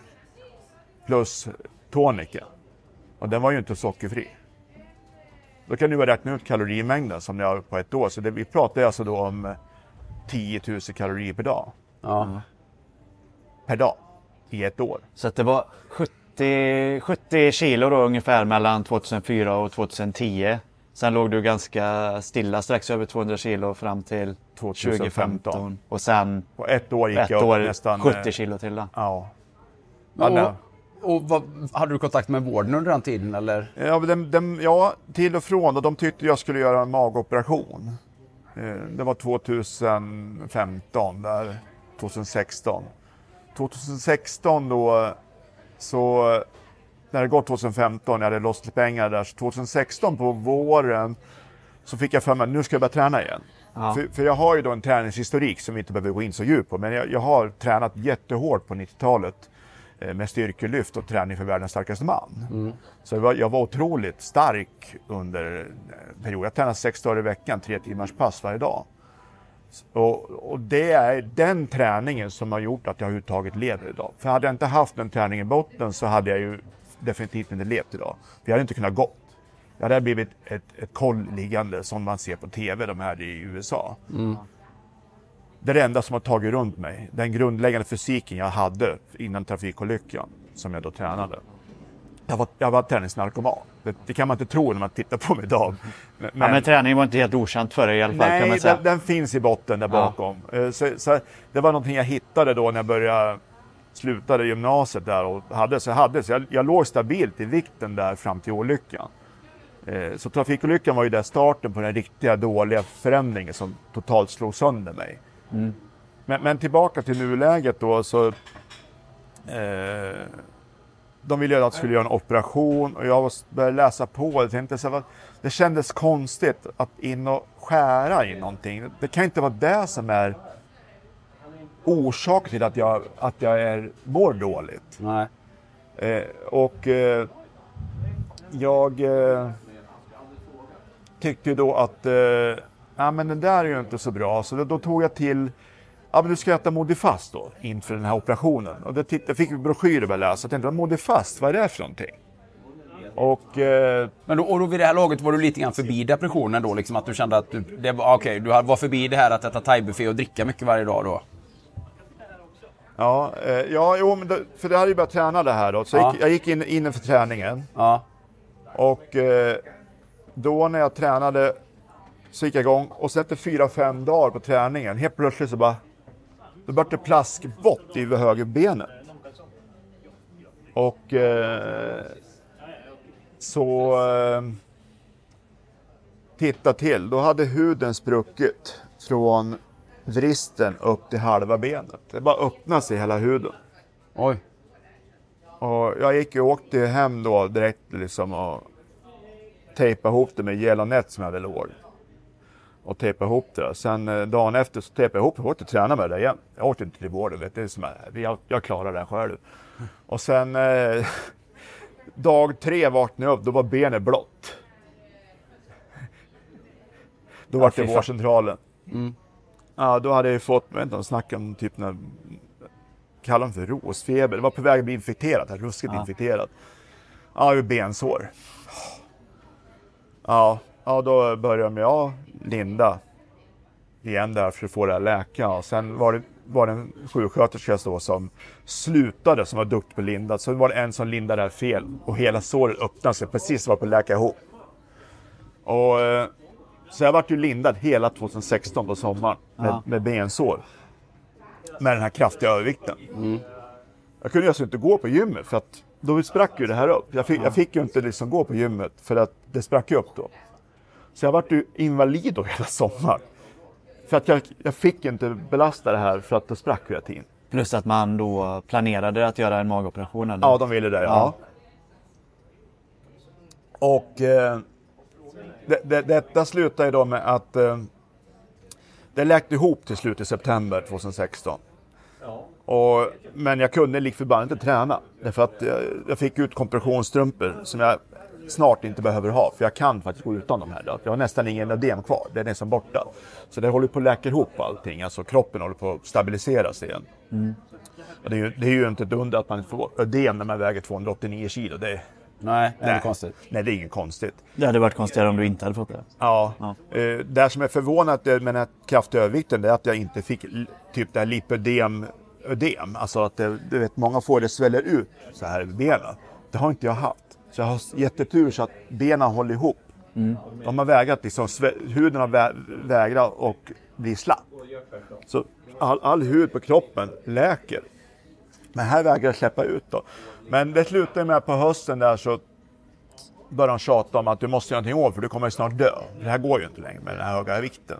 För de sa, "Vi- våran våg tar inte dig ens.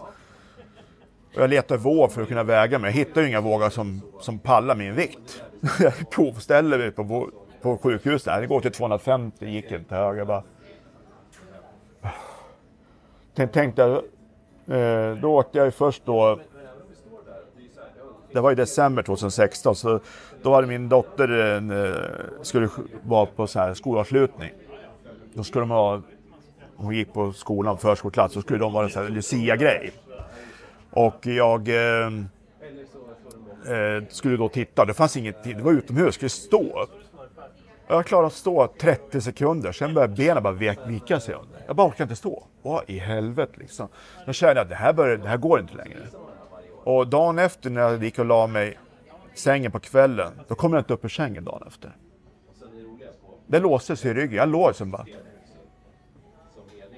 Jag gick inte, jag kunde inte snurra, ingenting. Det bara... Ja, efter mycket om än lyckades jag komma upp på toaletten. Sen då slet den iväg, så tänkte jag, vänta nu, metallåtervinningen har ju våg som tar ett ton. Eh, och de köper ju in järnskrot och då får ju folk betalt per kilo. Den är ju kalibrerad, för den kalibrerar varje gång. Så jag åkte dit och ställde mig på en industrivåg som tar ett ton. Och där, och där stod det då 200, 289 kilo. Jag bara, Jesus. Blev det vändpunkten då? Där kan man säga att då, då börjar jag förstå att det här kommer jag inte hålla länge till. Och, och jag, jag eh, började då planera då, skulle jag göra en mag magoperation? Nej, så började jag läsa, vänta nu, mår du fast? Då ska man äta tre, fyra veckor innan för att avfetta levern och så här, att du får ner low carb. Och eh, det, det var ju så då att eh, då tänkte jag så här, men vänta nu, jag kanske kan äta Modifast. Bara. Bara? Ja. Och då var det en, en vän på Facebook, jag, jag, jag, åt, jag åt Modifast och jag gick ner, jag åt det i 12 månader, gick ner all vikt och jag behåller den också. Så jag köpte hem massa Modifast och började äta det här. 3 januari 2017, det, det fotot som man har när jag är som tjockast på mitt ansikte har, ligger upplagt på min eh, eh, carnivore-sida också. Man har före och efter. Det, det är från den 3 januari 2017. Och jag började äta det här. Så det var 1000 kalorier per dag.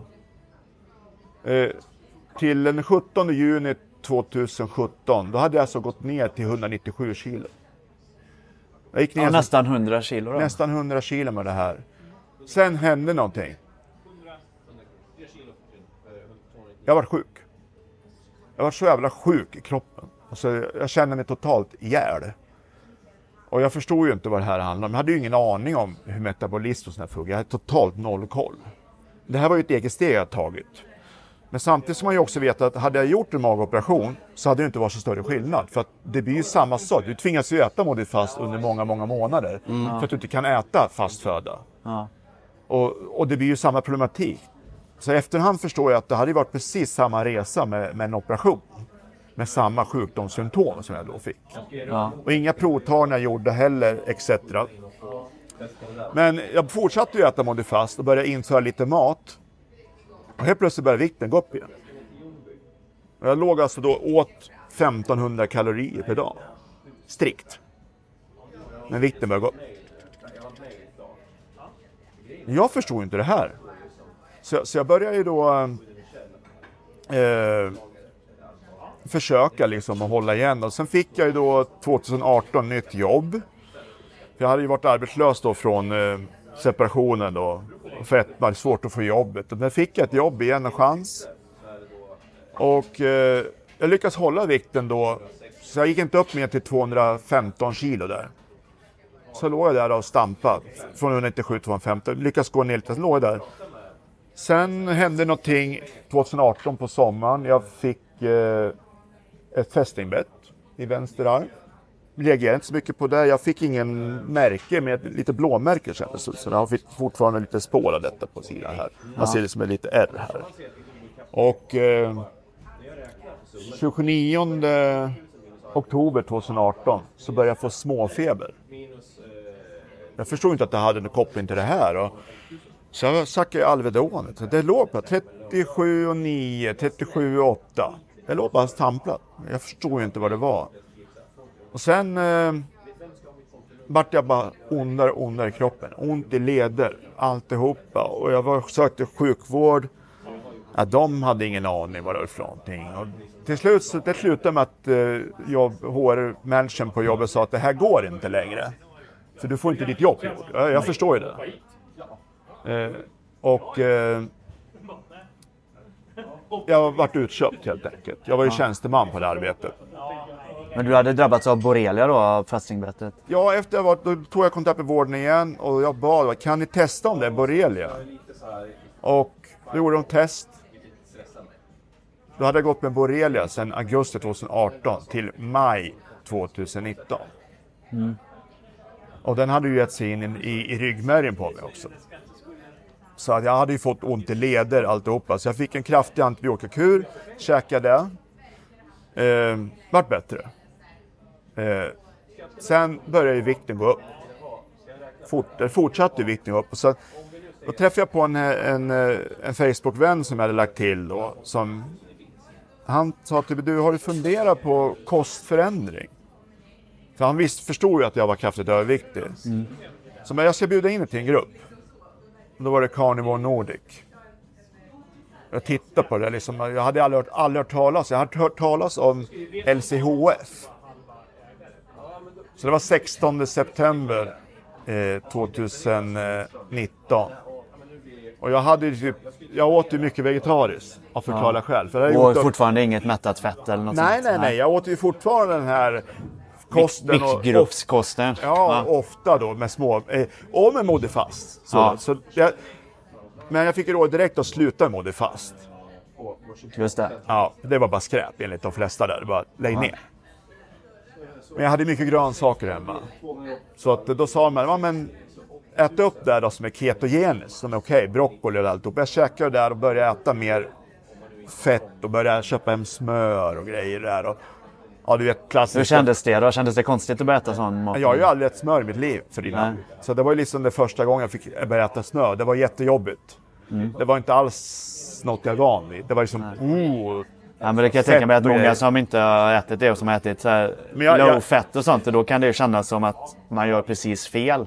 Ja, jag, hade, jag hade ju då sett som kött som när jag köpte då, förutom köttfärs, det var ju alltid, åh den här röda fina biten, så lite fett som möjligt. Ja. Det, var ju, det såg finast ut. Att, när vi köpte kött, då köpte jag alltid liksom en, en eh, när jag var ihop med sambo, då köpte jag liksom en eh, sjömansbiff. Då var det alltid den som var utav fe- fett, för den tyckte jag var finast. Ja. Det var ju rödast och finast och godast vet du. Så det var ju liksom lean meat också. När vi väl åt kött så var det lean. Ja. Och så kom jag in på det här och jag började då starta 2019 här och, och sen när jag började pröva på att gå hårdare in, ja då kommer den här transeringen i magen. Det var ju liksom... Man kunde aldrig lita på magen. Nej. Nej. Men jag transigerade över sen så, men jag började känna en förbättring.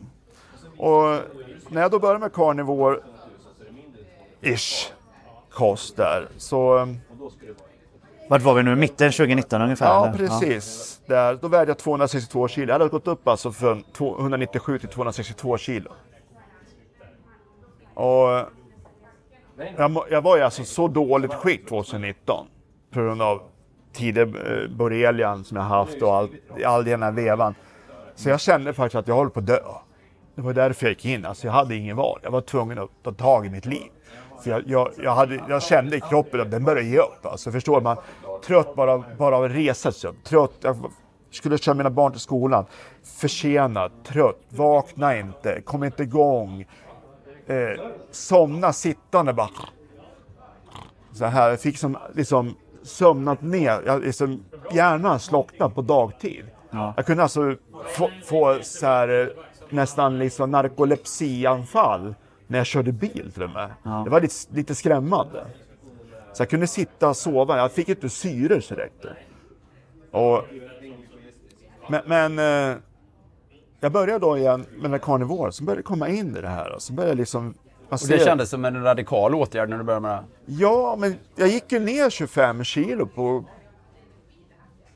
10 månader ungefär. Sen stagnerade det här. Jag låg där liksom 240, 242 där, ner på 238. Det stagnerar lite grann där och jag... Och sen 2020 där i december, då försvann hörseln på vänster sida. Och jag sa, det är en inflammation igen. Nej, läkaren, nej det är det inte. Och så gav man någonting som man inte får använda i örat när man får eh, lung- öroninflammation. Och sen efter nyår då sa, ja det är öroninflammation. Ingen hörsel. Sen eh, tittade de till och tog prover, att då var det borrelia igen. Den hade Så kommit tillbaka? Borrelian bryter, jag hade alltså inte blivit av med den. Har alltså satt sig i ryggmärgen. Då, var- då kommer riktigt starka saker fram. Så jag fick ju käka den starkaste antibiotika de hade överhuvudtaget få ut. Och då kraschade ju min mage givetvis. För att man kan inte äta så starka antibiotika för tätt inpå. Och samma veva 2020 så avled min pappa. Och jag kraschade där, så jag började ju äta Esomeprazol för magsår som jag åkte på 2020 i samma veva, så det var inte bara en sak som hände då. Eh, och eh, då fick jag ju problem med det istället. Så att den där jävla Esomeprazolen totalkraschade i magen. Så det var inte bara för att fixa, jag fick en sur uppstötning och allt etc. Och, Fortsätter du med carnivore-spåret ändå ja, ja, trots det? ja, ja, jag först fortsatte det. Sen 2021 då började jag med, då, med hörseln. Och så tog jag provtagningar. Den första riktiga provtagningen då. Och då hade jag ätit carnivore. 2019, så jag var ju nästan inne på ett och ett halvt år. Eh, ingen folat i kroppen. Ingen zink. Kobalamin var så dåligt så att det var gränsfall att åka in på sjukhus. Jag var på 193 kobalamin och under 200 så är det varningstecken. 170 då ska du in på sjukhus. Jag bara, jag äter ju kött. Vad fan är det här? Den visste jag, Esomeprazol, men det, jag åt inte jättemycket av det. Eh, men eh, det var i alla fall, då förstår jag, att det är någonting i kroppen. Och jag levde ju inte helt clean då. Alltså förstår du, man, det är svårt att komma in i det här. Man kan liksom, ja man har, ja men jag vill äta den här ibland. Så. Och så gjorde man, sen levde man eh, sex dagar strikt och sen hade man en cheating. Men var det medicineringen som eh, gjorde att det var negativt? Kanske, eller så kanske föregående dieten. Ja. Vegetariska dieten. Observera att jag åt ju kanske då 80% till 90% vegetariskt. Under lång tid? 20, ja, 17-18 års tid. Ja. Så, och det jag åt kött var alltid lint. Och sen åt jag ju då mycket, alltså även spannmål då, men inte jättemycket, men mycket grovt spannmål. Så det var ju liksom rågbröd och sådana saker. Det, var ju nyttigt ja. Så det var ju bra. Vitt Så du ju menar att det kan ha varit brister som låg kvar trots att du hade börjat äta carnivore? För du har inga testresultat från de åren som du kan jämföra Nej, med? Eller? precis. För det är ingen som tog sig an att testa det här. Eh, men då förstod jag problematik att det här var ju inte bra.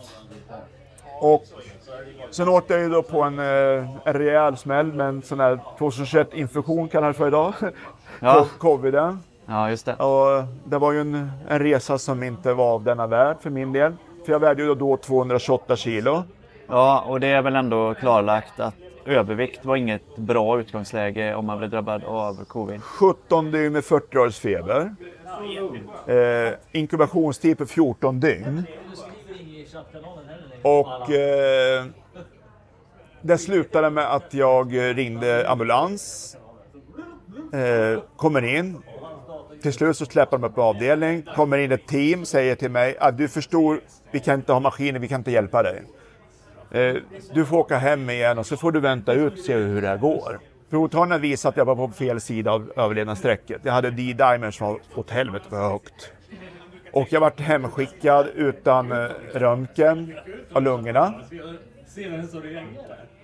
Och eh, det slutade med att eh, jag vart hemskickad med två framinsprutor i magen bara. Och sen två dagar senare började jag hosta blod. Och eh, jag ringde 1177, ja men det kan man göra, blod är ingen fara. Sen rullade det på. Och Sven, sen när du var som sämst då efter covid, då du var på väg tillbaka, då, då hade du, hur mycket väg, gick du ner mycket i vikt under covid eller liksom, gick du upp i vikt eller hur Jag- kändes det? Jag förlorade 17 kilo muskler. Ja. Så förlor, du förlorade de viktigaste kilorna som fanns? Ja, jag, hade ingen, jag kunde inte bära upp kroppen efter coviden. Nej. Och så kvarvarande problem med lungorna och så? Ja, det var... Jag, för att vara snabb så fick jag lunginflammation som var mykoplasma som höll på att ta livet av mig. Ja. Så det var covid var en sak, men det var värre var ju lunginflammationen. Så det hade ingen feber av ens. Men skitsamma, jag åkte på eh, långtidscovid också. Höll du i din kost, eller höll du i den här nyfunna carnivore-kosten under den här perioden eller fallerade du? Eller liksom, var, du inne, var du inne där så att du hade börjat bli övertygad om att Nej, men det här är rätt väg för mig Jag att äta? fallerade under covid-sjukdomen för att jag kunde alltså inte göra, jag kom inte upp ur sängen då det var som värst.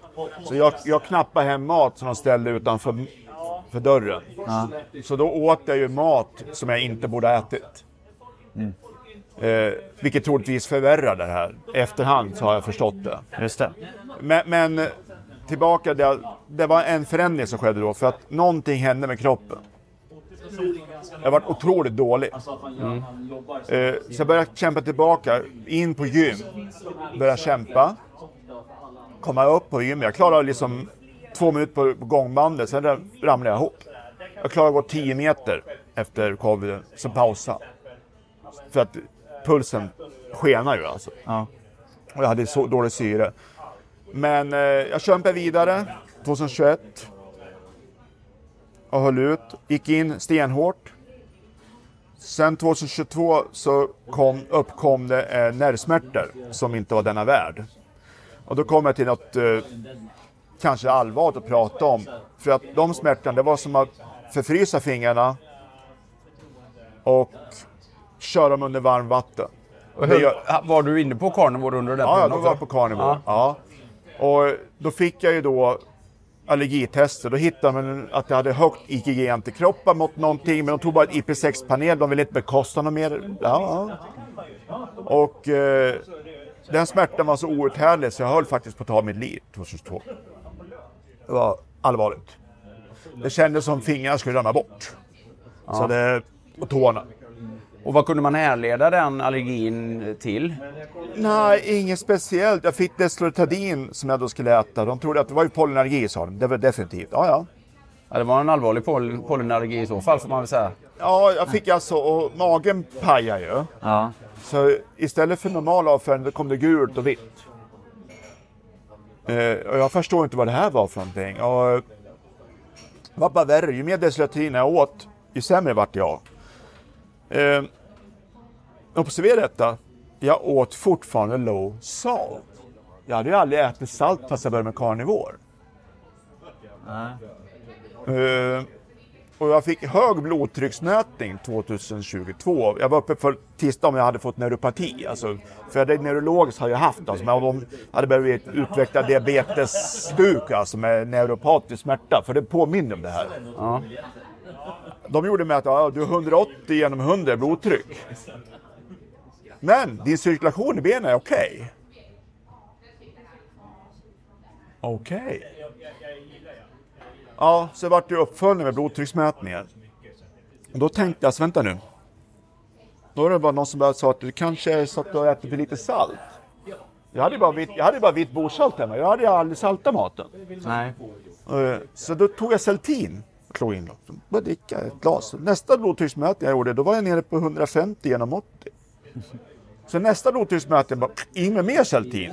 Slokade i mig. 100, hu- 145 genom 90. Nästa blodtrycksmätning, två till. Jag tog tre teskedar Celtin. 135 genom 85.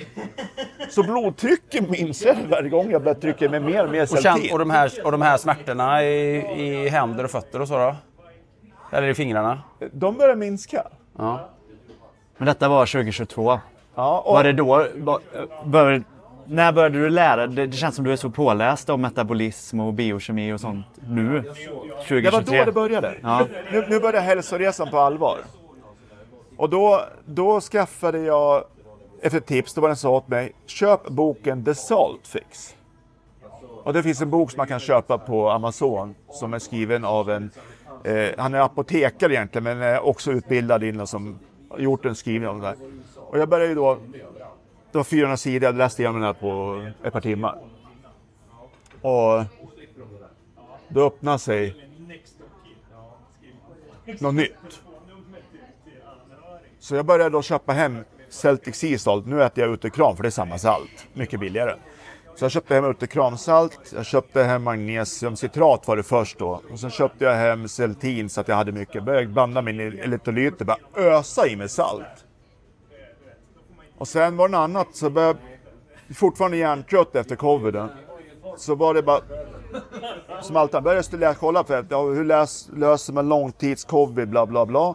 Då hittade jag eh, acetyl eller karnitin, kinesisk studie. Så jag köpte hem en burk sånt, petade i mig piller, 1000 milligram och massa salt. På fyra dagar försvann smärtan. Eh, Hjärntröttheten borta. Allting bara tjo, borta. Långtidscovid försvann på fyra dygn. Så.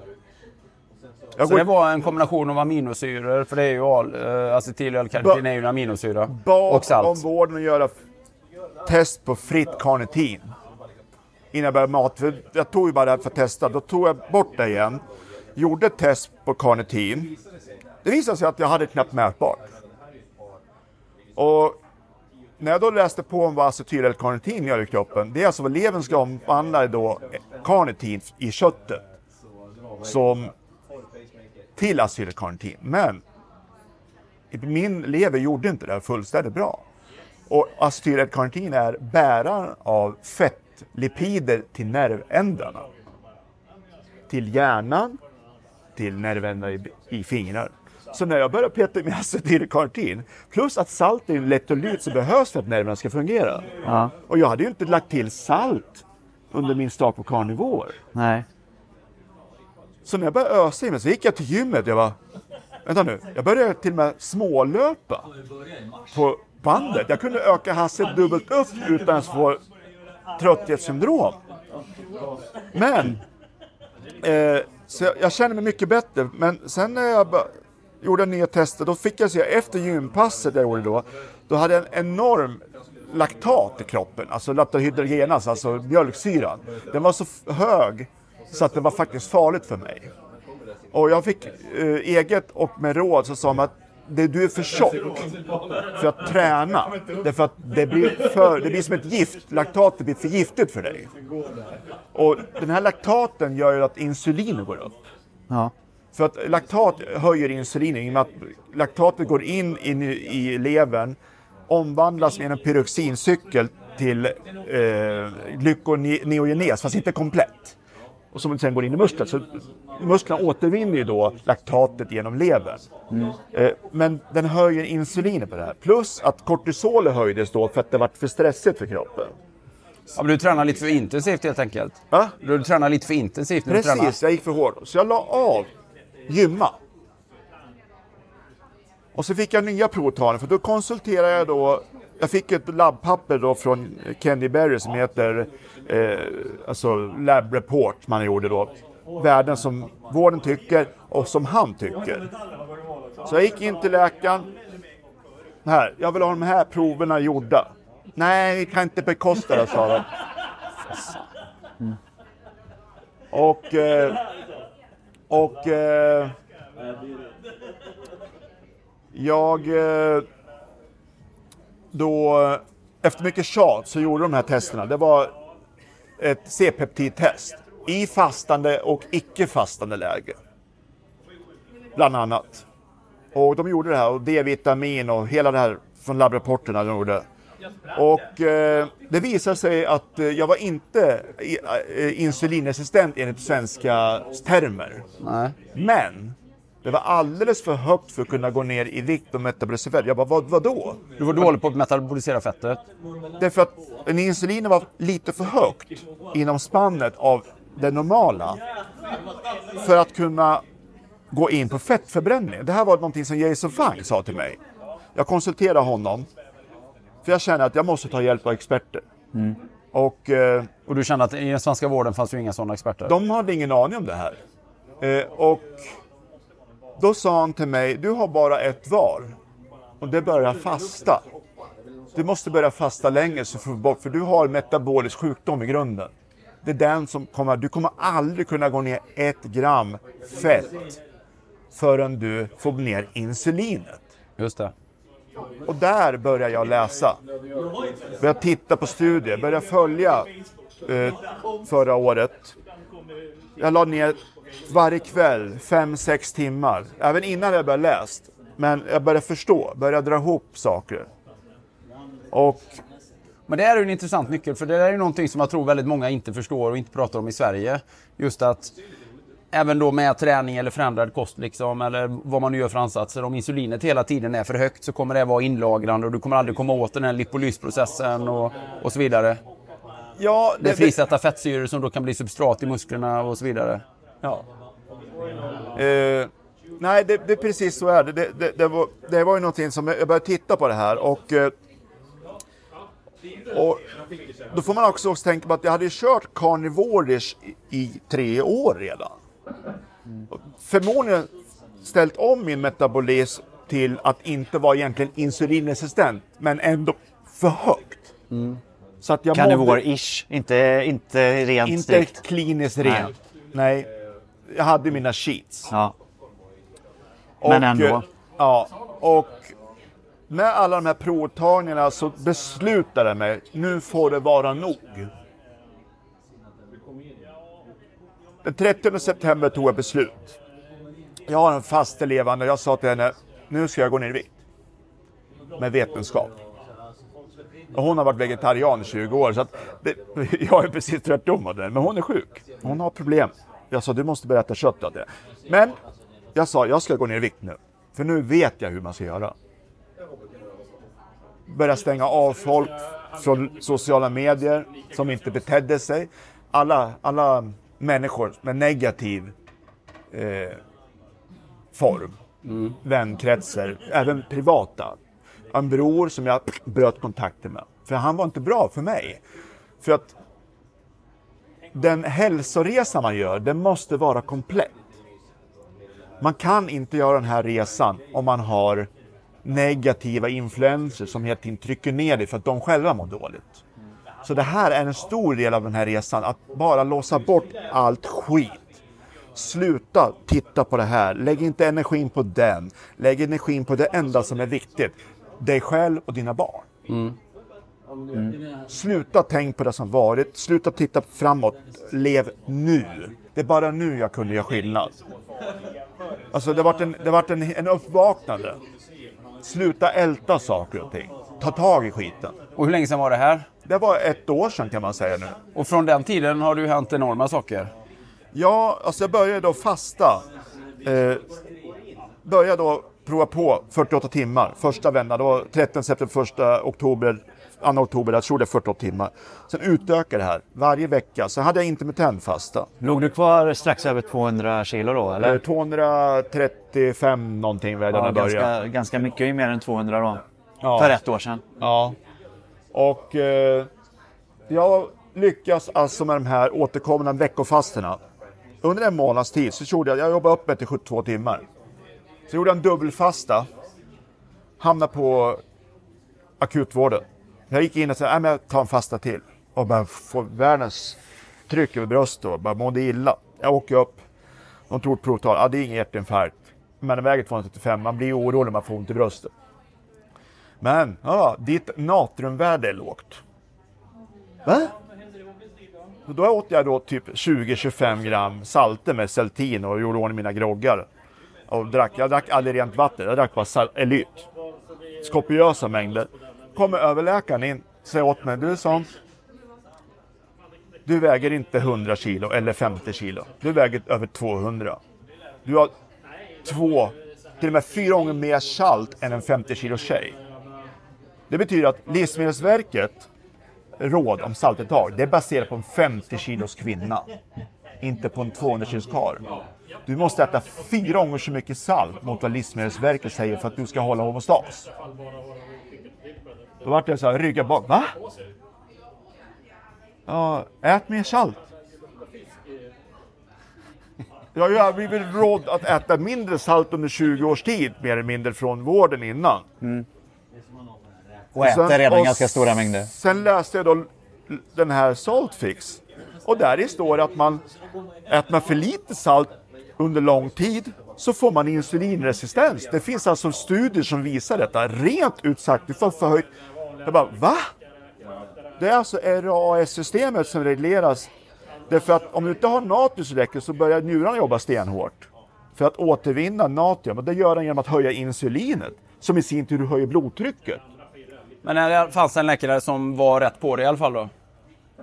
Då så ökar ju saltmängden kopiöst. Jag har 40 gram salter om dagen. Och migränen försvann.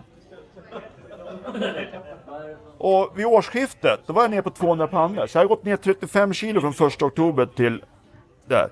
Och där ändrade jag strategi i februari.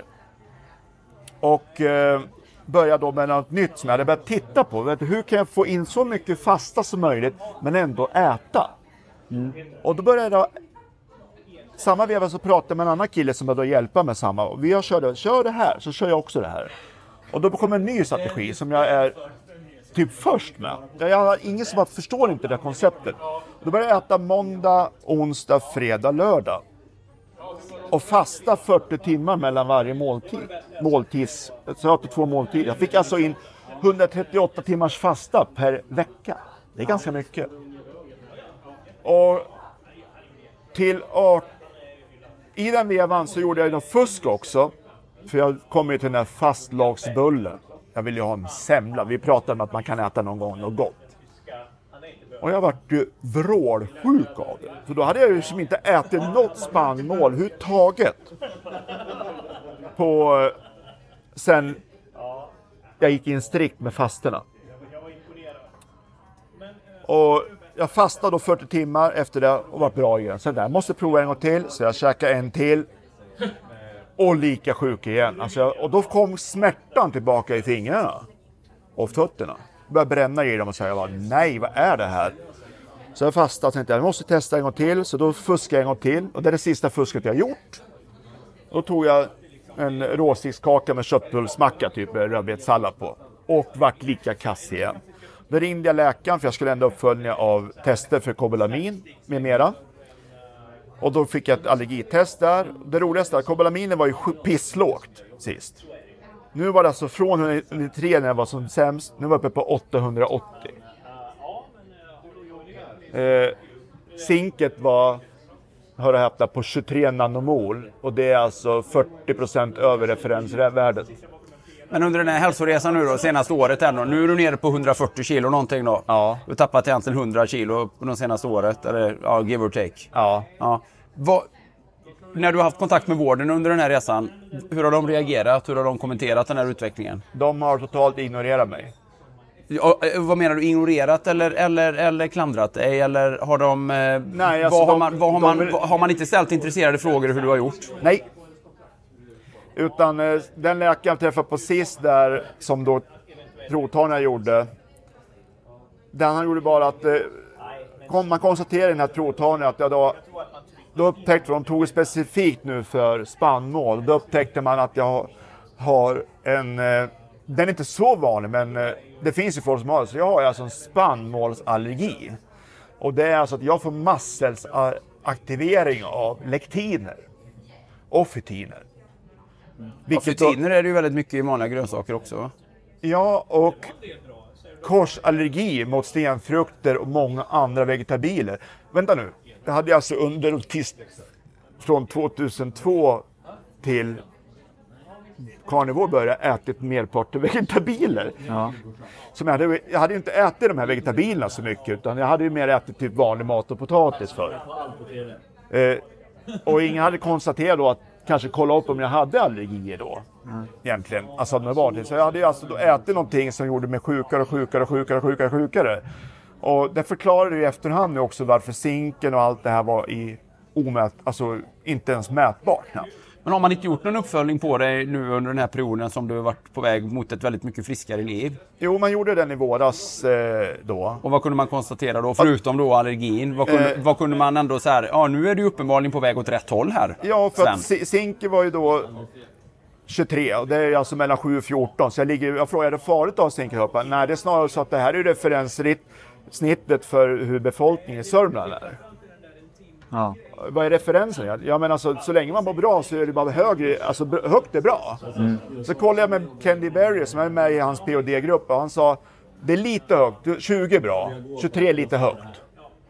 Uh, folaten, det var på 40. Och Det var ju på noll.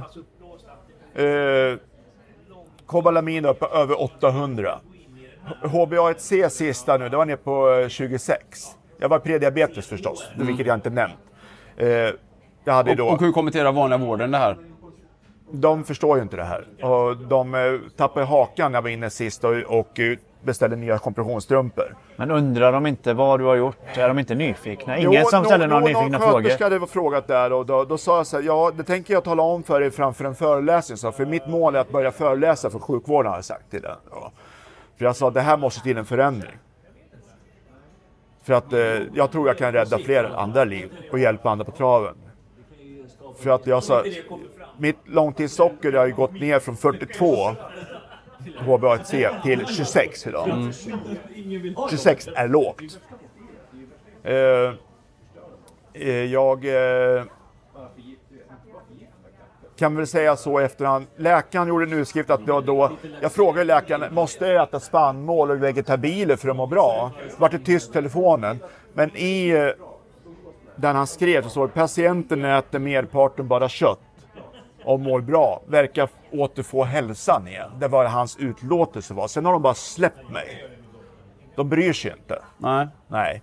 Men, men, men det har ju varit den här tidigare du, kosthållning. Det visar sig i efterhand att insulinet då som vi hade för högt då vidare, det berodde ju på att man åt för ofta. Såklart. De har ju alltså gett mig råd att äta 5-6 gånger om dagen. Det betyder att insulinet spikar du hela tiden. Ja. Mycket stärkelse och dessutom dåliga fetter. Ja, det är någonting jag också uppmärksammar under den här gången, för jag testar mig fram hela tiden. Eh, och eh, jag konstaterar med, med blodtrycks, eller med blodsockermätare, jag har ju både keton och blodsockermätare. Och jag är ju alltså ständig ketos idag. Jag ligger snitta på mellan 2,8 och 4,2 även på, mellan ätdagarna. Ja. Fast jag då äter mycket proteiner. För att jag äter, när jag äter så äter jag ordentligt. Men man kan säga att det som, det som har varit skillnad nu då, den här sista, dels är det de här eh, så att säga livsstilsåtgärderna på ett mer filosofiskt plan, liksom att stänga ut negativa influenser och så vidare. Men sen är det liksom då in- införlivandet av då regelbunden fasta och ganska långa faster. Ja. Vilket är rimligt med tanke på att du har så, hade så pass mycket övervikt. Ja. Och, och att du sen är väldigt strikt i ditt carnivorätande. Ja, nu, nu är jag ju, för att jag kan ju, all, jag kan ju aldrig mer återgå till att äh, dricka alkohol med, som är baserad på spannmål. Nej. Jag kan inte äta de flesta vegetabilier, jag kan inte äta spannmålsbaserade produkter. För det är konstaterat via Ja, allergitester det, att du det, har... det orsakar masscellsreaktion. Ja. Men och, och den här eh, då, kombinationen av då ganska långvariga faster och det kommer du fortsätta med nu då tills du är nere på en för vad du anser då normal vikt för din kropp. Ja. Vad, vad, vad skulle jag gissa att det är då? Mellan 90 och 100 kilo kanske eller? Ja, min, eh, med tanke på muskulaturen jag har i grunden så skulle nog min fysioterapeut ha sagt mellan 100, 100, 108 däremellan. Ja. Eh, så någonting. Därför att, så att du har för mycket lean mass, alltså så att jag har kraftig, kraftig eh, liksom i botten. Ja. Och när du kommer ner till den vikten, och då kommer du mer göra så typ som jag pratar om då, fasta en dag i veckan kanske och sen äta då två måltider om dagen kanske eller någonting. Eller en stor måltid om dagen. ja, det är någonting man ska sagt. Jag har ju provat på med IBSen och det var nå- någonting som hände här i, i juni månad. För att gå från alla sjukdomsgrejer, nu går vi in på friskgrejen. Mm. Så, så i juni månad så började jag prova på att äta raw meat. Alltså börja äta rått. Och det var den sista pusselbiten i min hälsoresa kände jag. Därför att när jag började, och även min son äh, äter ju det också. Det är lite kanske, vissa tycker det är kontroversiellt. Men jag har inte, det är inte ett dilemma för mig, utan dilemmat för mig är att folk ser det kontroversiellt. Eh, och att min son idag matvägrar om han inte får rått. Men vi kan väl ta in den, den delen i diskussionen också, för det är ju väldigt intressant. Så på vägen i den här långa hälsoresan här så hade ju din son också ganska kraftiga överviktsproblem, eller i alla fall man såg att han var, ja den här förebilden som du postade om, man såg ju att ja, men han var på väg att bli ganska Det, tjock. det var faktiskt, enligt BMI-skalan så var han uppe på 37 och det är ja. högt. Jo, och det Ja. sy- syns ju tydligt på bilden också att ja. han är på väg åt fel håll. Ja. Och den förändringen ni gjorde då, han var, det var någonting som han själv, han var själv sökande och han ville få hjälp av dig, eller han, han var ju medveten om din ju, resa. han såg ju min resa. Han, hade ju, han var faktiskt den som provade att äta rått kött först. Mm. Han frågade pappa kan jag få lite entrecote-rått? Det var redan för över två år sedan. Så han har ju ätit liksom min kost men blandat. På mammas veckor så åt han ju blandat där. Men då frågade jag honom, för att, för att gå, smyga in på hans resa också. Han föddes 2010 och när han var ett år så började han på förskola som många andra gör barn. Man lämnar från honom för att åka jobba. Och varje gång så ringer de ah, han är magsjuk. Ja, det är det. Och jag bara, vad- har ni gett han gröt? Ja, ja men han, han är känslig i magen för det. Vi kan inte ge honom gröt, alltså spannmål. Så vi gjorde glutentest på honom när han var två år. Och då sa nej han har inte gluten, men han är överkänslig mot spannmål och, och, och sådana saker. Så ni kanske får hålla lite lugna, ge lite glutenfritt ändå. Och det här har ju pågått under alla år när han växte upp. Han började då i skolan, han åt skolmaten när det fortfarande gick att äta skolmaten. För den var ju rätt okej då för sex år sedan i Estland. För då var inte den här moderna, det här något klimatanpassat, vad de kallar det för, kost, processad vegetarisk dynga som jag säger att det är idag. Utan då gick den fortfarande att äta till en viss del. Men ja, han kommer hem varje dag från skolan. Det första han gör, han springer in på toaletten. Sen sitter han där 45 minuter. Och bara, man hör honom bara, det bara trumpetar i rumpan på honom. Det bara, bara gaser. Och det är det. Och jag bara, du måste gå på toaletten på skolan. Mm. Nej, vet, han tyckte det var jobbigt. Och så frågade han, har du ont i magen? Mm, jo, det, är det gaser? Ja, jo, jag blir uppblåst i magen. Då började de ge han laktosfritt, det gör ingen skillnad. Och jag, jag eh, i den började den här då när han var femman där, det är väl två år sedan då när jag började, jag började äta, då började han liksom äta min kost och då, på mina veckor mådde han bättre. För då åt han mer och mer köttbaserat. Som jag, jag hade ju börjat 2019 redan, det är ju liksom fyra år sedan. Så han började ju liksom äta det här, efter jag började äta en, två år in, så började han ju äta som mig lite grann. Och på mina veckor började han må bättre. Och sen mådde han sämre på mammaveckorna. För då åt han ju mycket, det var ju billigt med pasta och hon serverade ju sånt som en van vid. Och lättfetter. Hon fortsatte ju med det där kelda och grejer som vi hade ätit tillsammans. Och även så här 36 procent i grädde som det visar sig att eh, ingen, varken han eller jag kan äta det. Det som händer är att jag får ont i magen inom loppet av två minuter. Det visar sig att det är någon jävla... Jag vet inte, det finns som tjock... Kerogen. Ja, vad heter det? Kerogen. Ja, den jävla alger.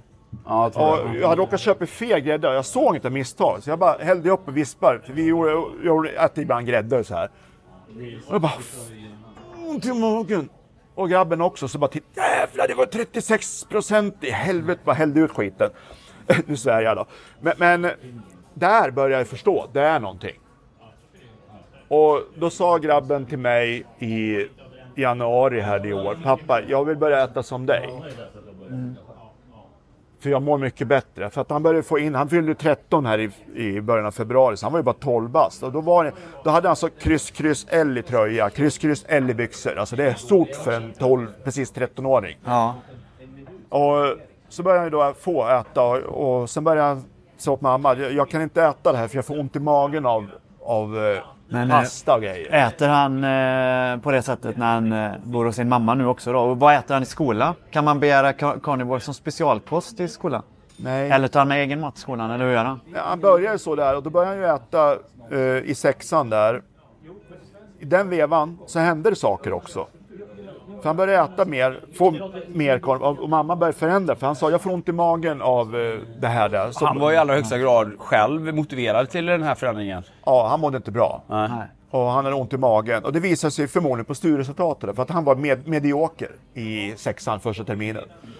Eh, sen när han går ut skolan och jag fick hem betygpapperna från sexan. Det bara fem ämnen ökat. Det var ett från eh, D till A. Han ökar från D till A i engelskan. Matten upp från eh, D till ett B. Så det var fem ämnen som bara och sen eh, i juni då när han gick ur skolan, då var, då var han på mig och då serverade jag dem som bara, pappa, kan jag få smaka det här köttet rått? Absolut, så jag. Så jag ska prova att äta jag med. Så bara, Fasiken, det här var ju gott ju. Det var ju godare. Så bara, magen började lugna ner sig med mig. Och Alf, min grabb också, pappa, jag har inte alls ont i magen nu. Okej, men då började vi käka lite mer rått då, så, jag. så jag började då köpa, skära upp kött rått och, började, och han är helt förtjust i, i sushi då. Det är ju ris då. Men sa jag, är det verkligen sushi eller är det den råa fisken du är ute efter? Så köpte hem rå lax och skar upp Han bara, det är, ju- ja, det är det här jag vill ha. Det är ju fisk, ja. det är sashimi du vill ha, sa jag. Du vet att sashimi? Så jag började köpa hem, eh, började göra italienskt inspirerat, och carpaccio, banka ut kött, skära kött. Så vi började liksom experimentera med hela världens specerier i fin mat, som jag kallar det för. Så han började äta det hos mig. Sen när han började då nya skolan nu till alltså i augusti där, Han gick från mellanstadiet Ja, upp på till högstadiet. högstadiet. Ja. då eh, så var det så att jag bor så nära skolan så att när min, jag har fortfarande ingen jobb, jag är arbetslös, kommer förmodligen snart kunna komma i arbete vad jag än väljer därför att jag är snart frisk fullständigt. Men då så var det så bra att jag hade honom två veckor på sträcken efter innan skolan började. Då fick han ju äta min mat helt fullständigt och inget fusk. Och när sen han började skolan, då sa jag att istället för att han ska vara själv så kan han komma till mig på morgonen eftersom jag är arbetslös. Så kan han då, jag följa honom skolan och gå till honom med honom så jag får röra på mig, han får röra på sig. Och då kan han ju äta frukost hos mig. Då kunde jag börja ge honom frukost och så käkade han ju carnivore-frukost hos mig. Så jag började ge honom frukost och sen han kom till mig hem på mina veckor så då gjorde vi det här. Och sen på barn, min för dettas veckor, då kom han ju hem till mig efter skolan och kunde äta carnivore. Så jag serverar ju mat direkt till honom på hemma. Så han äter frukost hos mig vid halv... Kan han äta ägg och så exempelvis till frukost? Ja, ja. Så han, han, han käkar ju då väldigt varierat då. Eh, grejen är att han äter hos mig, av 14 dagar så äter han hos mig 12 dagar. Han äter bara varannan vecka på helgerna hos mamma helt och då skickar jag med mat till honom som inte hon kanske har råd att köpa fast hon har jobb då. Eh, och, så han äter i princip 98% i ren primal carnivore diet. Men hur funkar det med skolmaten i skolan? Äter han skolmaten eller hur? Nej, nej, nej, nej, nej. Han med, får han med sig egen mat? Han, eh, han äter det så, så pass näringstätt på frukosten så han är inte ens hungrig i skolan. Så han, tillåter de att han inte äter skolmat då eller? Det är där här problemet började. Ja. För att då följde jag med då var Och, två veckor... bara, och i den här resan då så har han uppenbarligen förändrats rent fysiskt. Jag menar, han har gått från att vara ganska rejält övervikt om vi ska vara ärliga. Ja. Till att se ut att vara i väldigt fin form. Ja, det, det är, en, frukt, det är en, en, en ruskig vändning bara på de sista två månaderna. Det, det, jag har ett foto som jag la upp där. Du hade lagt upp ett foto på, i din tråd. Och sen la jag till ett som jag hade tagit precis bara ett par dagar efter. Och eh, det man ser på honom är att han har alltså gått ner från kryss, kryss L till medium i byxor. På 10 månader. Tröjan ner på medium. Alltså alla hans kläder är för stora nu. Men vi hittar vi har ju sparat dem, vi har inte kastat, jag har gett dem min dotter som reservkläder. Så vi har bara ta tillbaka byxorna som var tre år gamla. Ja. Så han kunde ju bara använda tre år gamla kläder igen. Tröjor, det finns ju massor kläder så det var bara att ta fram som jag sparat. Även om man inte flickor vill använda pojkkläder så kan man funka som att ut och le- leka med och så. Så jag har ju sparat kläder. Det är, bara, det är bara att ta tillbaka kläderna. Så jag, här, varsågod. Men han är uppenbarligen, bort- han är uppenbarligen också mycket friskare och sådär. Så att, jag menar, vad är, så här, från skolans sida, vad är problemet med det? Vad, vad är, vart kommer oron ifrån? Ja, då hade jag första träff, jag följde med honom så de hade träff, träff, klassträff, att lära sig att eh, umgås. Och Jag var ju arbetslös, jag följde med. Det var, då var de vid ett utegym där, då, då var båda lärarna där. Och då, då sa jag till läraren att du, så min grabb, han kommer inte äta skolmaten.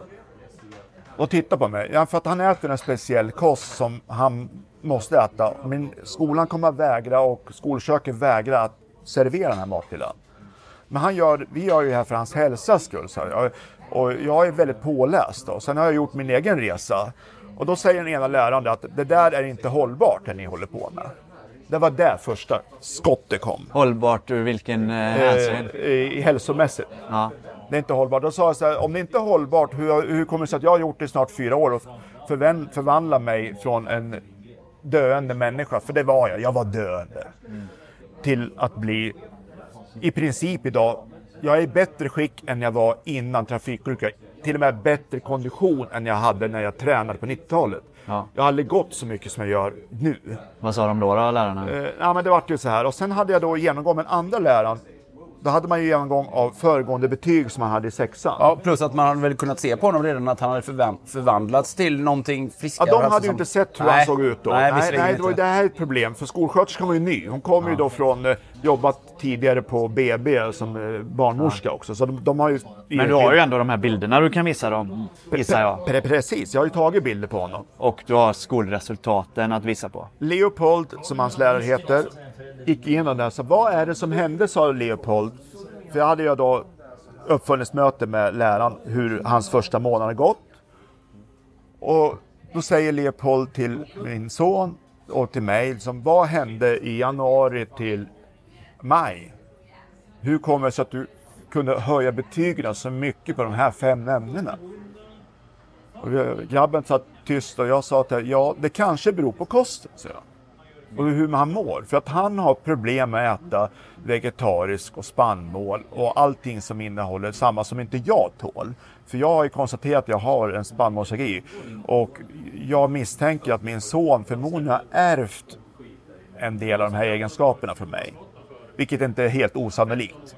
Eh, jag frågade läkaren om vi behöver utreda honom. Han sa nej, egentligen behöver ni inte ta provtagning för min son. För om ni ger den här kosten, sa läkaren, jag hade diskussion med min läkare om min son. Om du, han mår bra på den kosten och du slipper problemen, varför ska vi kosta på massa utredningar? Sa läkaren. Så läkaren var med på det här faktiskt. Eh, han sa att om han fungerar genom att ta bort de här nu sa jag inte att ta bort alla grönsaker i princip, men alltså ta bort de här spannmål och allt det här och han funkar. Då har ni ju en lösning redan. Man behöver alltid, aldrig ha ett resultat i handen. Att du har allergi. Det är om skolmaten ska tvingas servera karnivor, kanske. Ja. Så skulle Så med vi hjälp gå... av läkarens intyg där? Eller, Så, så, så, för tanken är ju nu att försöka ta in antivårdvändan och se, men då måste han tyvärr börja äta det han blir dålig av för att han ska få immun immunsystemet hoppa igång på det här i så fall. För om man lever väldigt strikt länge så, så försvinner ju allergierna. De försvinner ju i antikropparna. Eh, Det var ju därför man kunde mäta upp IG-antikropparna av mig, därför att jag hade fuskat de här gångerna. Det räckte för att trigga mitt eh, alltså, eh, IG-antikropparna till hö, superhöga nivåer. Men kom ni undan ändå skolmaten? Alltså, ni har lyckats undvika den och lyckats Ja, han, han äter inte den. Och sen har jag ju det trick att jag vet, i den här resan man gör, då har man ju då hittat på, vänta nu, jag kan göra något sånt här och sen kan jag göra det här. Då, så jag börjar ju läsa, hitta recept på så jag, jag torkar eget kött hemma. Så jag gör något, ett sydafrikanskt eh, biltong. Så jag köper kött och sen eh, curar kurar dem i vinäger och, och sådär. Och sen hänger jag upp dem i en torklåda. Sen får jag torkat kött som jag skär upp och vakuumförpackar. Så skickar jag med det i skolväskan. Och det där är lite, lite, törs man säga det öppet- öppet i podcasten så eh, han nästan langar kött min grabb. För att klasskompisarna började rycka. Du, har du något kött med idag? Men, men hur är och, och har man accept, nu har man accepterat det här i skolan då ändå? Alltså man ser att han mår bra, bättre, det går bra. De var ju, jag fick ju mail eller brev från, eh, från skolsköterskan efter det här. För det roligaste var att av någon anledning så var min son inkallad till skolsköterskan en vecka innan man offentligt gick ut med att det skulle vara inkallelse. Varför fick min son vara den första personen i hela jävla skolan att gå in till skolsyster? Jag hade inte ens fått hem hälsoenkäten och skriva på vad han har problem med. För jag som förälder ska ju med min son förklara då eh, om det finns, för de vet ju inte allt, för det är ju liksom, de kan inte gå in utan tillåtelse och titta. De måste få tillåtelse av oss att gå in, för då kryssar man för att du får kolla hans historik. Och där jag skrev att han har haft en problematik med spannmål, eh, särskilt eh, vetemjöl, eh, som han reagerar väldigt kraftigt på med, med gaser i magen och så. Då. Och han har inte gluten, så vi vet inte vad det är. Och då sa de bara att han var överkänslig, sa de på vår stad. Det kan växa bort, men det har bara blivit värre. Och, eh, men de tog in honom en vecka tidigare. Och så kommer jag hem den här, jag skickar in den. Sen kommer det, så gjorde jag en livesändning på det, om det här att han hade varit inne. Och sen hade min då son var så jävla smart. För han ville ju vara ärlig. Han berättade att han inte åt skolmaten. Och då hade ju då skolsköterskan frågat vad, varför inte då? Och han sa att han får ont i magen av det. Men jag äter han sa att han faktiskt äter rått kött, mycket rått kött och fisk sådär och mycket fett. inte hela, liksom hela barnäter. För att ett barn som är 13 år, de kan inte tala om exakt, alltså förstår? Han kommer inte ihåg allt. Utan han var ju mycket enkel och rak. Ja. Och troligtvis i den vevan, när de ser det här, då oj, han äter inga grönsaker, han är ingenting. De är ju in för att grönsaker är så viktigt, att det finns inga vitaminer i kött med Ja, mera och lever och han äter allt det här. Men så kom det då ett brev hem. Där skolläkaren är inkopplad. Och det, och det är ju inte någon som jobbar där, utan den är ju centralt. Och de har ju connections till med socialen. Ja. Och jag vet ju den hela vägen till. Så det här bara... Vi har oro. Och skriver de oro så är det ju då gränsfall till en orosanmälan. Vilket jag ringde upp och frågade henne. Ja, vi håller på med en sån. Ja. Så det var på gång någonting. I och med att han då talade om och då, började, då tog jag en diskussion och förklarade för henne att eh, min resa hur jag varit och vad hans problematik. Då sa jag, jag kommer att skicka bilder på mat, på hur hans resa varit och hans problematik, sa jag. Eh, jag har ju tyvärr inte gjort utredning på honom mer än det vi har gjort tidigare. För att jag har svårt att tro att skolan skulle vilja servera den här maten som han behöver ha. Eh, och som han mår bra av. Eh, Men jag har ju löst det så att han äter så pass näringstätt på morgonen så han, han blir inte hungrig förrän han kommer hem. Och han är inte ens hungrig då. Ibland så hoppar han över maten. Han äter bara ett måltid om dagen. För att den är så näringstät. Och hur, vad, hur, hur gick den diskussionen Ja, det vart ju, Vad landade det ja, i sen? Det landade ju att de ville ha träffa båda föräldrarna. Hon sa att jag vill träffa båda föräldrarna. Så helt plötsligt så kom det ett svar efter en och en halv vecka med det här långa mejlet jag då la upp en text om. Där att eh, vi, vi är inte så oroliga just nu, men det är inte över. Utan man har, vill ha uppföljning om sex månader igen. Det är ju lite märkligt med tanke på att alla hans hälsovärden, akademisk utbildning, hans fysik, allting går åt rätt håll. Han har gjort en resa som inte en... Det går inte att jämföra. Det roligaste är att han, han har misstag då, eller inte misstag, han... När han gjorde elevens val, som man måste göra i sjuan, alltså ett extra ämne, så fanns det inga andra val än livsstil och hälsa. Så han, hör och häpna, han får träna en timma på fredagarna med styrketräning, alltså ute fritt och lyfta, förstår du, stänger, så är det riktigt som man egentligen barn borde hålla på med. Och han har aldrig hållit på att träna i sitt liv. Så han kör, han är, det är femte pass de gör, eller sjätte passet, som han börjar skolan. Och då han tränar ihop med åttor och nio för att det är för lite personer i den här klassen för att det ska vara bara sju, eh, åtta eller nionde klass. Och det första han gör på första trä, alltså då där passet är, där de får gå in i gymrummet. Och han drar och gör deadlift, fyra reps på 90 kilo, aldrig gjort styrketräning i hela sitt liv. 90 kilo på en 13-åring. Nionde klassan som är starkast, han drar 100. Han hade hållit på i tre år med det här. Grabben går in och drar 90 kilo och har aldrig tränat sitt liv. Han har alltså biceps som är i klass med mina redan nu. Och har inte tränat egentligen. Var kommer alla de här musklerna ifrån? Det ska bli väldigt spännande att se vad de kommer fram till i sin utvärdering om sex månader. Ja, precis. Eh, han går in och gör chin-ups. Han, väger, åt- han är så lång, han är 1,74 lång och går, i, och, och går i sjunde klass. Han väger 82 kilo. Han har alltså minskat 2 kilo, men han har gått ner från kryss, kryss L till medium. Vart är, varför försvann inte vikten för? Jag anser att det här måste ju vara muskler som har bildats. Jo, men det ser man ju väldigt tydligt på bilderna av dem. Ja. Eh, hur är den? Jag, jag är inte helt förstådd med hur all den muskulatur har kunnat uppstått i och med att han inte egentligen tränar. Han sitter och spelar Fortnite. Det enda vi gör det är ut och går. Han går med mig. När via puberteten, har all den här energin har omvandlats. Och alla hormoner, Han har, vuxit, han har bara växt in sig i de musklerna helt enkelt. Han får musklerna av kosten måste det vara. Ja, och puberteten och ja, hormonerna Han har, han har fått mustasch redan. Det kom en, en moppemuscha. Det började redan i, i januari. Han har fullbehårade ben. Han har 45 i fot, stol, fotstorlek redan. Eh, alltså han har en, han är mycket snabb utveckling. Jag i sin tur, man jämför mig, Jag hade inte ens skäggväxt förrän jag var 25. Vad tror du det beror på? Jo, förmodligen på grund av kosten. Jag åt ju då en så felaktig kost under min uppväxt. Så jag fick förmodligen inte tillräckligt med byggstenar. För, och, och det här kom sakta, sakta men säkert. Jag kan då bända tillbaka till min utveckling. Jag är då vitskäggig idag. Men det börjar komma mörkt tillbaka. Men din son nu när han äter det här, han, han har liksom inget sug efter sämre mat eller så? Utan Han- han dricker- och han, han är väldigt motiverad att hålla i det här själv eller? Han, märker hur bra han mår? Han, han, eh, det enda han äter idag som inte är karnivor, som är, jag säger han är paleo mer. Paleo, hans kost är egentligen en primal ancestor diet. Jag kallar det för det, alltså så som hunter and gatherings. Han äter lite bär och lite... Han äter lite hallon, han äter lite nötter ibland när han kan. Han äter någon avokado någon gång ibland när jag köper hem det. Inte varje dag. Han eh, men äter mest rått kött. Det är liksom rå fisk, råkött.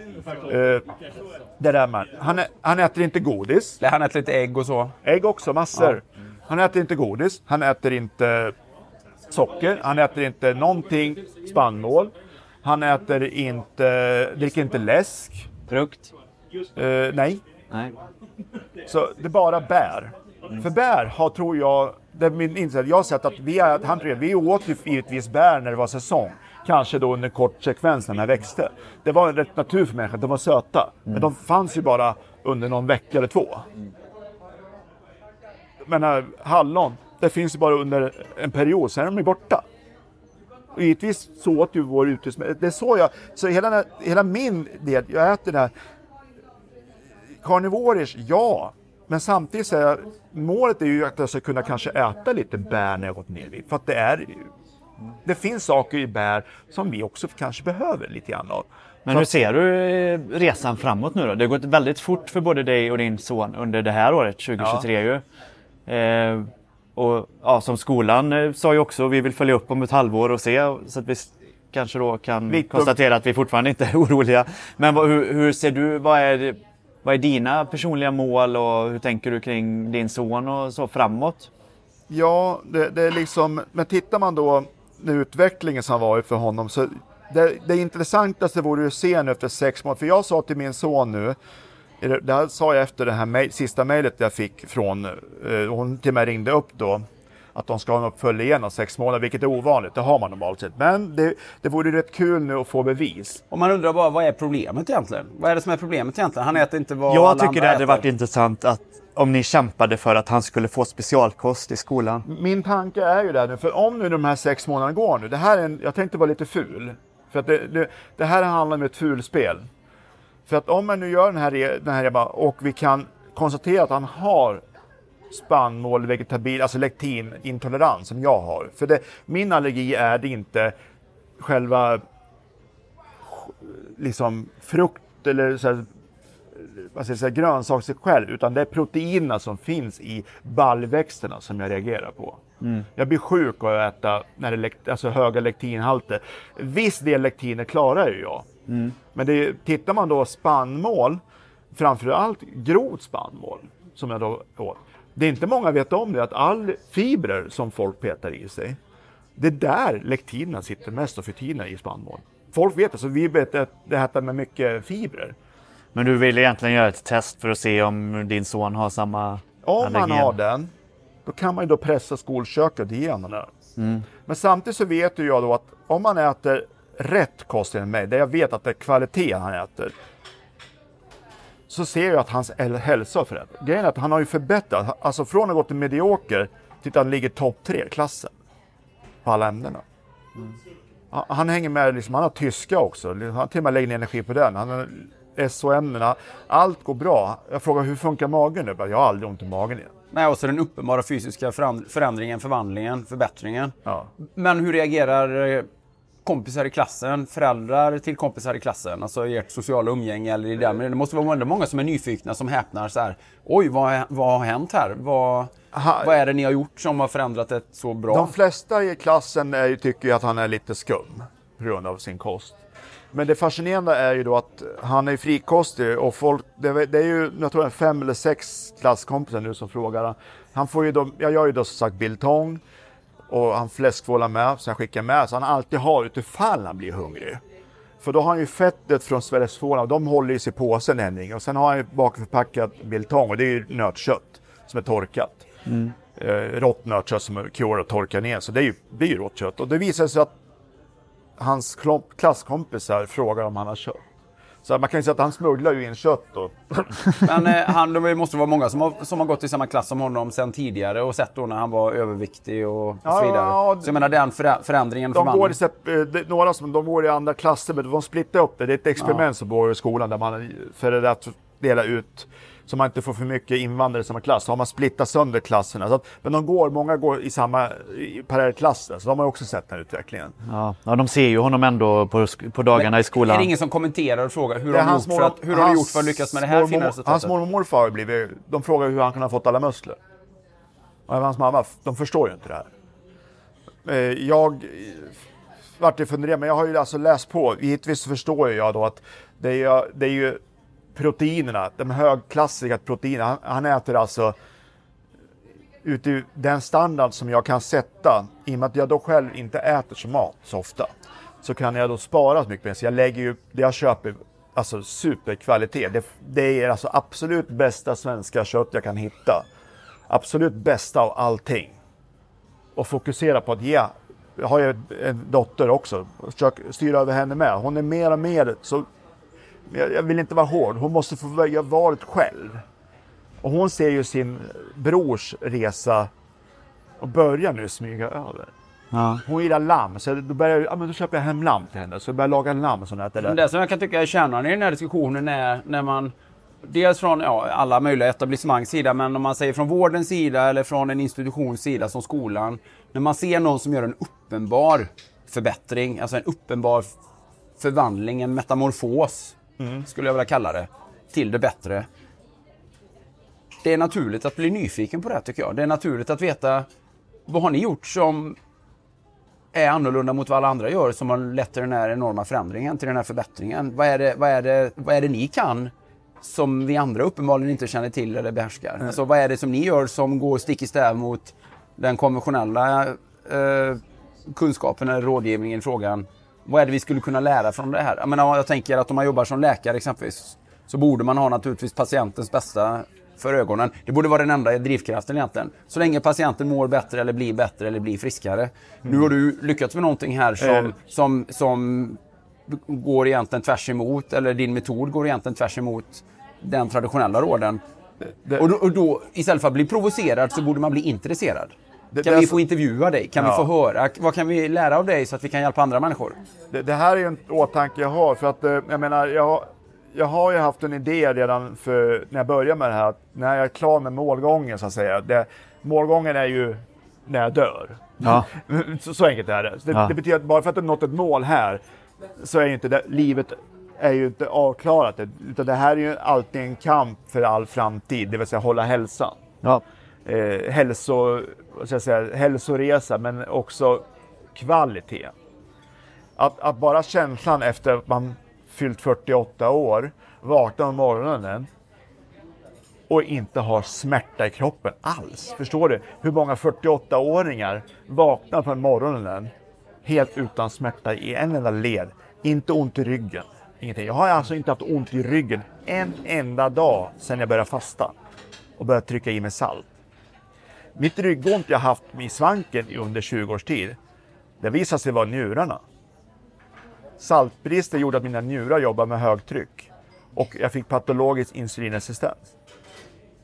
Vilket är fysikaliskt möjligt att läsa om studier som finns. Men din, din plan här Sven, det är att försöka ansamla all den här kunskapen och jag vet att du jobbar ju proaktivt redan via dina kanaler och sådär men, men din målsättning, målsättning är alltså att kunna sammanställa den här kunskapen för att förmedla den till både vården och till andra i liknande situation som du själv. För- För, jag för- menar, det, det, det är ju inte så att det saknas överviktiga människor som Nej. behöver få reda på det här. Eller ju- som behöver få höra ett alternativ. Det saknas har ju inte heller överviktiga barn. Man kan säga att du blir den första nu som får ta, ta del av min historia, av min sons historia.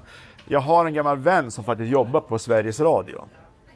Och han har pratat om intervju här efter och då blir det nationellt. Ja. Eh, så det här är en bra, du är först så att säga, att kunna säga, för jag vet hur många för den här podden så att det, det blir ju många som kan lyssna på den här. Eh, tanken är att ta det här, komma vidare till nästa steg. Så kanske vi hamnar, när jag är färdig med resan, hamnar på en tv-soffa. Och Ta med dig, och då, då måste du ta med dig din son. Tycker jag. precis.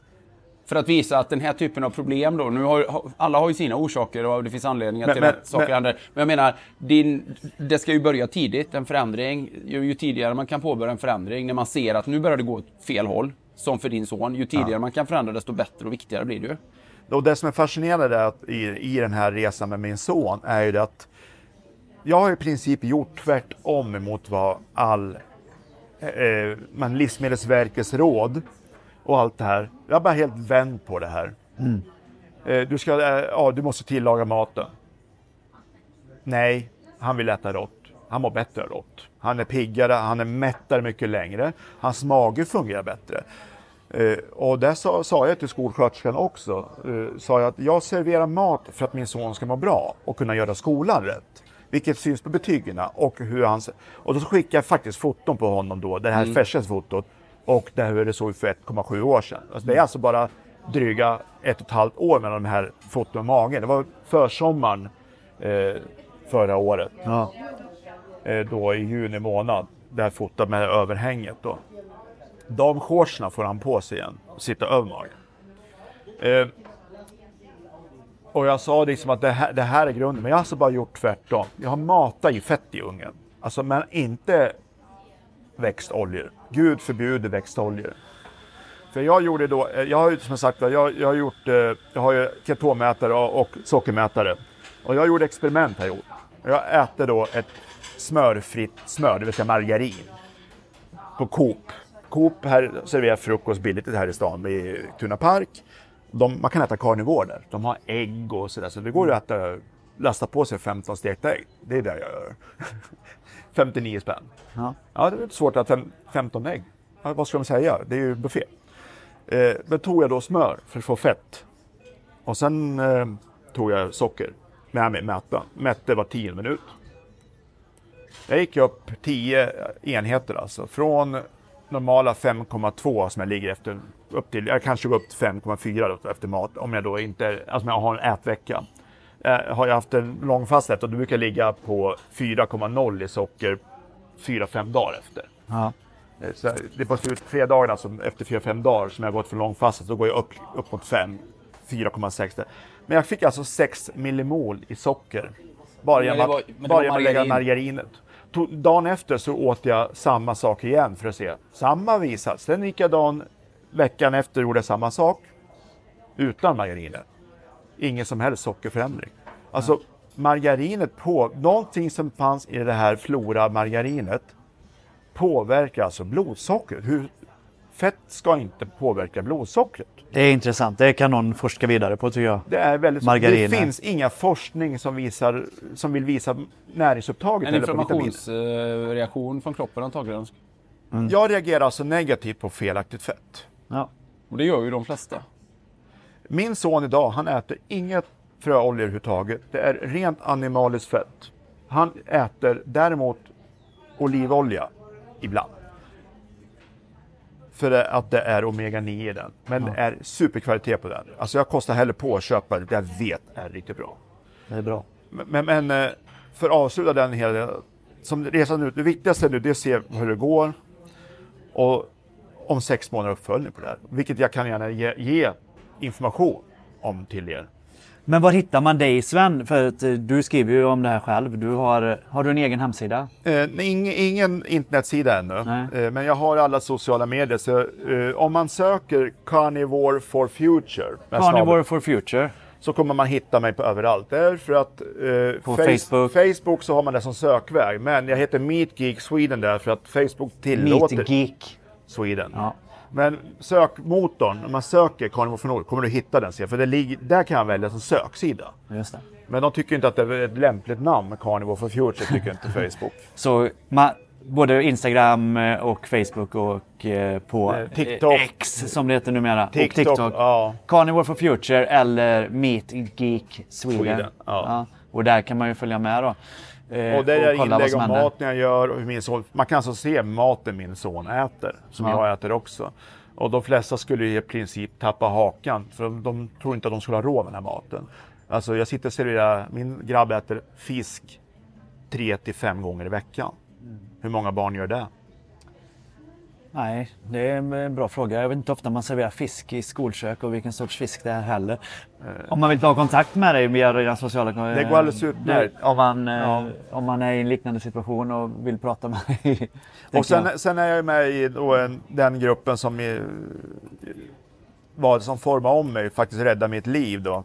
Och det är Carnivore, for Nord, eller Carnivore Nordic då. Carnivore Nordic på Facebook. Ja, Ja. vi är många där inne och vi, vi är ju över 5000 svenska, ja, nordiska, men mest är det ju svenskar. Och vi ökar varje vecka. Det blir bara fler och fler. Och de flesta som kommer in i, i gruppen nu är före detta veganer.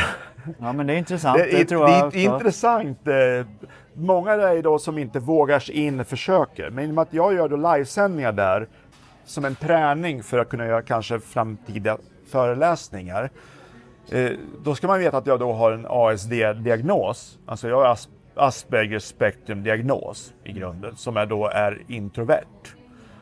Eh, Men med ketoner i kroppen och helt borttag, för det fick jag reda på av eh, psyko, alltså den, hon som undersökte mig och gjorde testerna, att eh, man kan inte äta spannmål om man har ASD. Då sa jag, jag är allergisk. Mycket vanligt så. De som har, det roligaste är att ASD-diagnosen, den är typ 90% borta. Så då är frågan, är ASD orsakad av kosten? Alltså att är autism egentligen en neurologisk sjukdom eller beror det på en neurologisk störning av maten? Det är en aspekt som inte många har tittat på. Men hur kommer det sig att min hjärna fungerar både socialt och tar in information och delar med sig information när den är i ketos och inte äter spannmål? Superintressant. Ja, verkligen. Jag känner Det- vi har hundratals Det- det- poddavsnitt det- att det är den göra. sista- Alltså. Det, det är en grej som jag ville få med. Ja. Eh, Det här hade varit omöjligt för mig att göra för två år sedan. Just det. Jag var så introvert och klarade inte ens av att gå public ens och prata framför fem personer. Så upp, det gick inte. Och nu sitter vi liksom och det kan ju vara tusentals lyssnare på det här. Ja, får vi hoppas att det, det, eh, om det bara är våra standardlyssnare, ja, höll jag på att säga, bara bara. Vi ligger ju mellan 6 och 8 tusen eh, lyssnare i veckan ungefär. Ja, nej men så vill man söka mer info om mig, då är det enklare att fråga. Ja, Jag är tillgänglig mellan eh, sex på morgonen till tio på kvällen jämt. Och jag svarar alltid i mån av tid så att jag kan inte... Jag måste ju fokusera på mig och mina barn. Eh, och jag har sagt alla de som jag coachar idag eh, fritt. De får alltid vänta om jag har annat för mig. Eh, och jag har sagt jag ställer upp när jag har tid. För att jag måste alltid ha fokus inställt. Finns tid över, då delar jag med mig. Ja, det är grymt.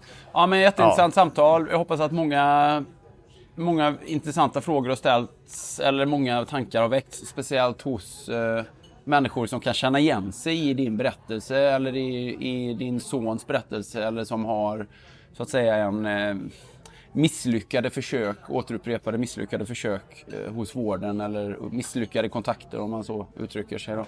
Och sen om jag får avsluta den sista delen där.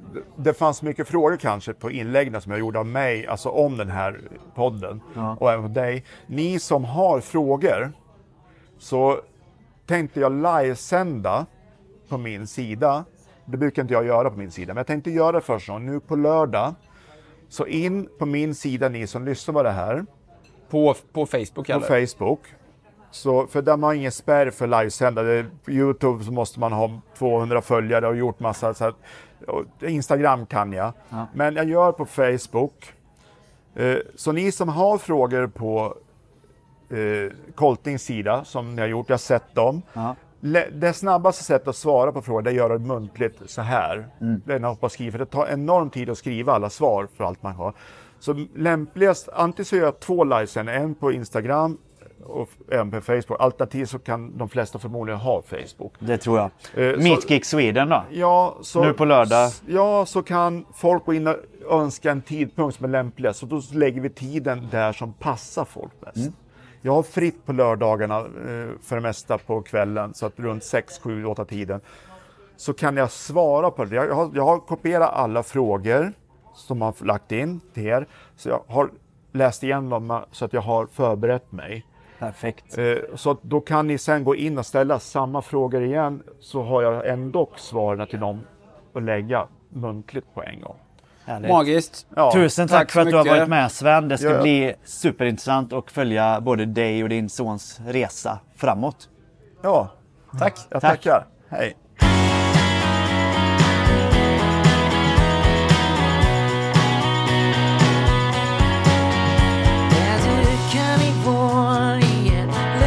我。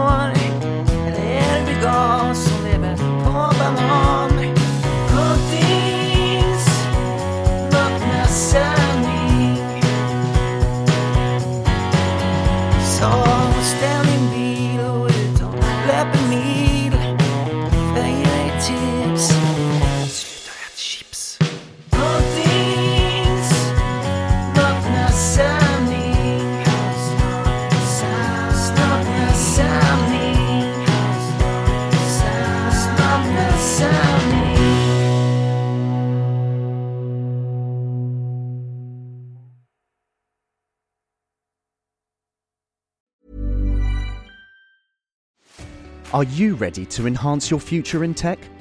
Then it's time to make your move to the UK, the nation that has more tech unicorns than France, Germany, and Sweden combined. The nation that was third in the world to have a $1 trillion tech sector valuation. The nation where great talent comes together. Visit gov.uk forward slash great talent to see how you can work, live, and move to the UK. Too tired to clean your floors after playtime? Forgot to vacuum before your friends bring their little ones over? Let Eufy X10 Pro Omni help. Powerful 8000 PA suction removes debris, and MopMaster dual mop pads scrub away stubborn stains with ease. Save time and keep your floors cleaner. Want to know more? Go to eufy.com, that's EUFY.com, and discover X10 Pro Omni, the best in class all in one robot vacuum for only $799.